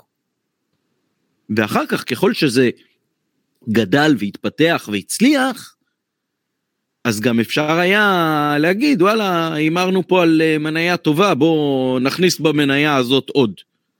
והוא הפך מעוזר מאמן של בלבול לסקאוט ולמנהל מקצועי אמיתי ולדעתי המינוי של אה, דגו זה, אה, אני לא יודע אם זה יצליח או לא, כן, אני כתבתי לכם אה, דברים מאוד פסימיים, ואחר כך אחרי הראיון קצת נרגעתי, וגם חייב להגיד, בירכתי את אה, דגו בוואטסאפ אה, באיחולי הצלחה מלאים, כאילו הלוואי ואני אצטרך פה לאכול שני כובעים בשבוע ו- ומכבי תצליח תחתיו, הלוואי. שישכיח את בכר כמו שסק ודילן השכיחו את פלניץ', אמן. אבל אה, זה שנתנו לו לבחור את זה ולקבל החלטה כל כך, בוא נגיד ככה, מאתגרת את היחסי דוברות ויחצנות של מכבי, וגם את הקהל וגם את הכל, מראה על המשקל שלו בתוך המועדון, ומראה, לדעתי, אם לא היה אלברמן, ומכבי בדיוק באותן נסיבות. אותו אחד שהביא את אה, אה, מאמן בכר, הביא את, אחר כך את אה, מסיידגו, ולא היה איש מקצוע כמו אה, אלברמן, לדעתי הטריבונות היו רועדות הרבה יותר מהתגובות של הקהל. כי היום סומכים גם בהנהלה וגם בקהל על אלברמן. ובצדק ו... אגב. כן, בצדק, בהחלט. זרים, חלונות אה, העברות, אה, להיות מוכן עם הכל, הארכת חוזים, זה, זה משהו שאתה אתה, אתה לא סופר אותו, מתי אתה סופר אותו? כשבורח לך אחד כמו וייסמן או חמד, כשהמניה היא במגמת עלייה. אבל כשהכל אה, רץ בשוטף, אז כאילו אחלה, דין דוד עכשיו האריך חוזה, ואצילי אז האריך חוזה, ושרי אז האריך חוזה. זה משהו שאתה מדפדף אותו במהלך השנה, העונה. לשמוע את הרעיון הזה שלו אחרי המשחק האחרון ביום שבת את אלברמן מדבר כמו שאלברמן דיבר כאילו יש לך רמטכ"ל שאתה סומך עליו. אה, אה, רמטכ"ל אתה, אתה וואלה אני ממש מסכים זה נתן המון ביטחון לי זה נתן המון ביטחון. הוא, הוא מרגיע. לדעתי, המרגיע לאומי כמו נחמן שי במלחמת המפרץ. אני לא אני לא ואני לא באמת לא מבין יש פה יותר מבינים ממני בתקשורת בעיניי זו הייתה מסיבת העיתונאים הכי טובה של מכבי חיפה שאני זוכר הכי טובה. כן. באו מוכנים העבירו מסרים ואני גם אה, כרגע יש לי את האמון בהם כאילו. ממש ככה, ממש ככה. אה, אז, אז זהו, אז אה, מהאבנים בכרמיאל ומהעשר שנים השחורות לשלוש שנים הנהדרות האלה, לא יודע, זה, זה מרגש אותי כמו היה הריקוד האחרון, כן, בקורונה, הריקוד האחרון שיצא בדיוק על, ה, על השושלת של שיקגו בולס ומייקל ג'ורדן, וזה משהו שראיתי אותו הרבה ב, בסוף ה nineties, את ה... NBA של ג'ורדן מתוך צפייה והבנה שאני צופה באיזושהי תופעה ש- שעוד ידובר בה, שהיא תחשב כאילו לאורך שנים אחר כך, זה יהיה סוג של קלאסיקה כזאת. אז uh, השלוש שנים האלה של uh, בכר, זה קלאסיקה וזה גדולה, ואמרנו אחרי האליפות הראשונה, בעיקר אני אולי, שזה פעם ראשונה שכאילו מאז האליפות הראשונה הקודמת עד האליפות הזאת התבגרתי בעשר שנים אני במקום אחר בחיים זה זה עמית פרלה אחר ממה שהיה עמית פרלה שראה את האליפויות של אה, אלישע לוי ושל רוני לוי ושלמה שרף וזה. אז וואלה עמית פרלה שראה את האליפויות של בכר רוצה לומר לו תודה. יפה מאוד. אמ, תראה, אני, יש לי, אני לא אגיד קינה, אבל אני לא התאהבתי במכבי אף פעם. רואים, זוכר את המשחק הראשון בקריאה, התאהבתי? לא היה לי את זה, כאילו, אני קיבלתי את זה מהבית. אני לא זוכר את עצמי לא אוהד מכבי, אני לא מכיר את המציאות הזאת. אתה יודע, יש הרבה אנשים שהם התאהבו בקבוצה. בצבע, בהצלחות, בכדורגל, לא יודע במה, בקהל, הם התאהבו. ואצלי אתה יודע, אני מניח שאולי זה חלק מכם שותפים להרגשה הזו, אין את הדבר הזה. ככה זה חתונה בשידוך. כן, ממש חתונה בשידוך. אתה אוהד מכבי, אין לך ברירות. מי שונה. אז אני לא יודע בדיוק מה מרגיש מי שמתאהב במכבי. אבל אני חושב שזה לא מאוד מאוד רחוק ממה שהרגשתי ב threepeat הזה. חשבתי להגיד. מאוד יפה מתן. מאוד מאוד נכון. מאוד. כן. ובאמת, טוב, ש, שזה לא, לא יישאר threepeat, אז uh, יהיה, יהיה לנו עוד על מה לדבר. Uh, טוב, תודה רבה חברים, היה סיכום כאילו מעולה מבחינתי, מאוד uh, רחוק מהמבנה הסדור של הפרקים הרגילים שלנו לאורך העונה, אבל אולי משקף את זה שמכבי לאורך העונה לא שיחקה במבנה סדור אחד, אלא בהרבה מאוד אה, אפשרויות וגיוון ורוטציות, חלק כפויות וחלק לא כפויות. אז אה, אז נותר לנו לומר לך תודה. לא נכנסים עכשיו לשעתיים הטקטיות? אה בסדר, לא, כי גם זה יש לנו מספיק, לא, לא, אבל כבר נגענו תוך כדי. כן, הפרקים הבאים כבר בקנה, אה, מתן כבר כתב לנו ועדכן אותנו. תודה רבה לשלום סיונוב שנתן לנו את התמיכה הטכנית לאורך הערב הארוך הזה ובהקלטה שפוצלה ואוחדה, אה, ומקווים שיש לכם נסיעות מספיק ארוכות בשביל אה, להאזין להכל. אה, אז יש לכם הזדמנות למילות פרידה. אה, מתן, בוא תהיה ראשון. אז כן, אז המשיכו כמובן לעקוב. אה, אני כבר אחשוף שתחילת שבוע הבא אנחנו מראיינים לרעיון פרישה את איתן שמואלביץ, אז תכינו שאלות, בניגוד לאבו פאני זה לא יהיה הפתעה, אנחנו רוצים שתכתבו לנו, לא בצורה קנטרנית, קנטרנית כלומר אני מזכיר, אני מזכיר שאלנו את הרעיון עם זיו אדלר, אולי האורחים פה יכולים לשתף אותו כדי שאם אתם רוצים דברים נוספים, גם על ענייני שיפוט, על, על הקריירה שלו, כל דבר, אז אה, זה יכול להיות נחמד, ועוד פרקי פגרה ביקשו מאיתנו אה, פרק סיכום של 93-4, אז אנחנו מתכוונים לעשות את זה, ושאר ההסכתים לא לגנוב לנו את זה, קחו עונה אחרת. אז באמת יש לנו עוד פרקים שנקרא פגרה מלאה בפרקים, ולהמשיך לעקוב ולהאזין. וחג סוף שבועות שמח, ותודה לכם, היה לי ממש כיף העונה הזו והפרק הזה. תודה, תודה רבה מתן. נדב? רציתי להגיד שנהניתי מאוד בפרק הזה וזה יוצא בערך כמעט שנתיים מאז שהצטרפתי לפוד. אני חייב להגיד לכם תודה אה, פרלה ומתן אה, שנותנים לי את הבמה. אה, כיף גדול. כאילו מעבר לזה שאני זוכה לדבר איתך כאילו לדבר עם אנשים שחולים יותר ממני אפילו על מכבי גם חברים וזה ליציע ובכלל אז מתנה גדולה. תודה רבה. באמת תודה. רק שנמשיך להקליט ושיהיה ברגעים שמחים. תודה, תודה רבה. עופר? וואו, אני רוצה להגיד תודה ליונתן אברהם ולשלום סיונו ולדניאל שפע ולעמית פרלה ולמתן גילאור, הצוות הקורטים מה שנקרא של הפוד. אני מדבר בשם הרבה מאוד אנשים שאני נוסע איתם למשחקים ויושב לידם ומדבר איתם.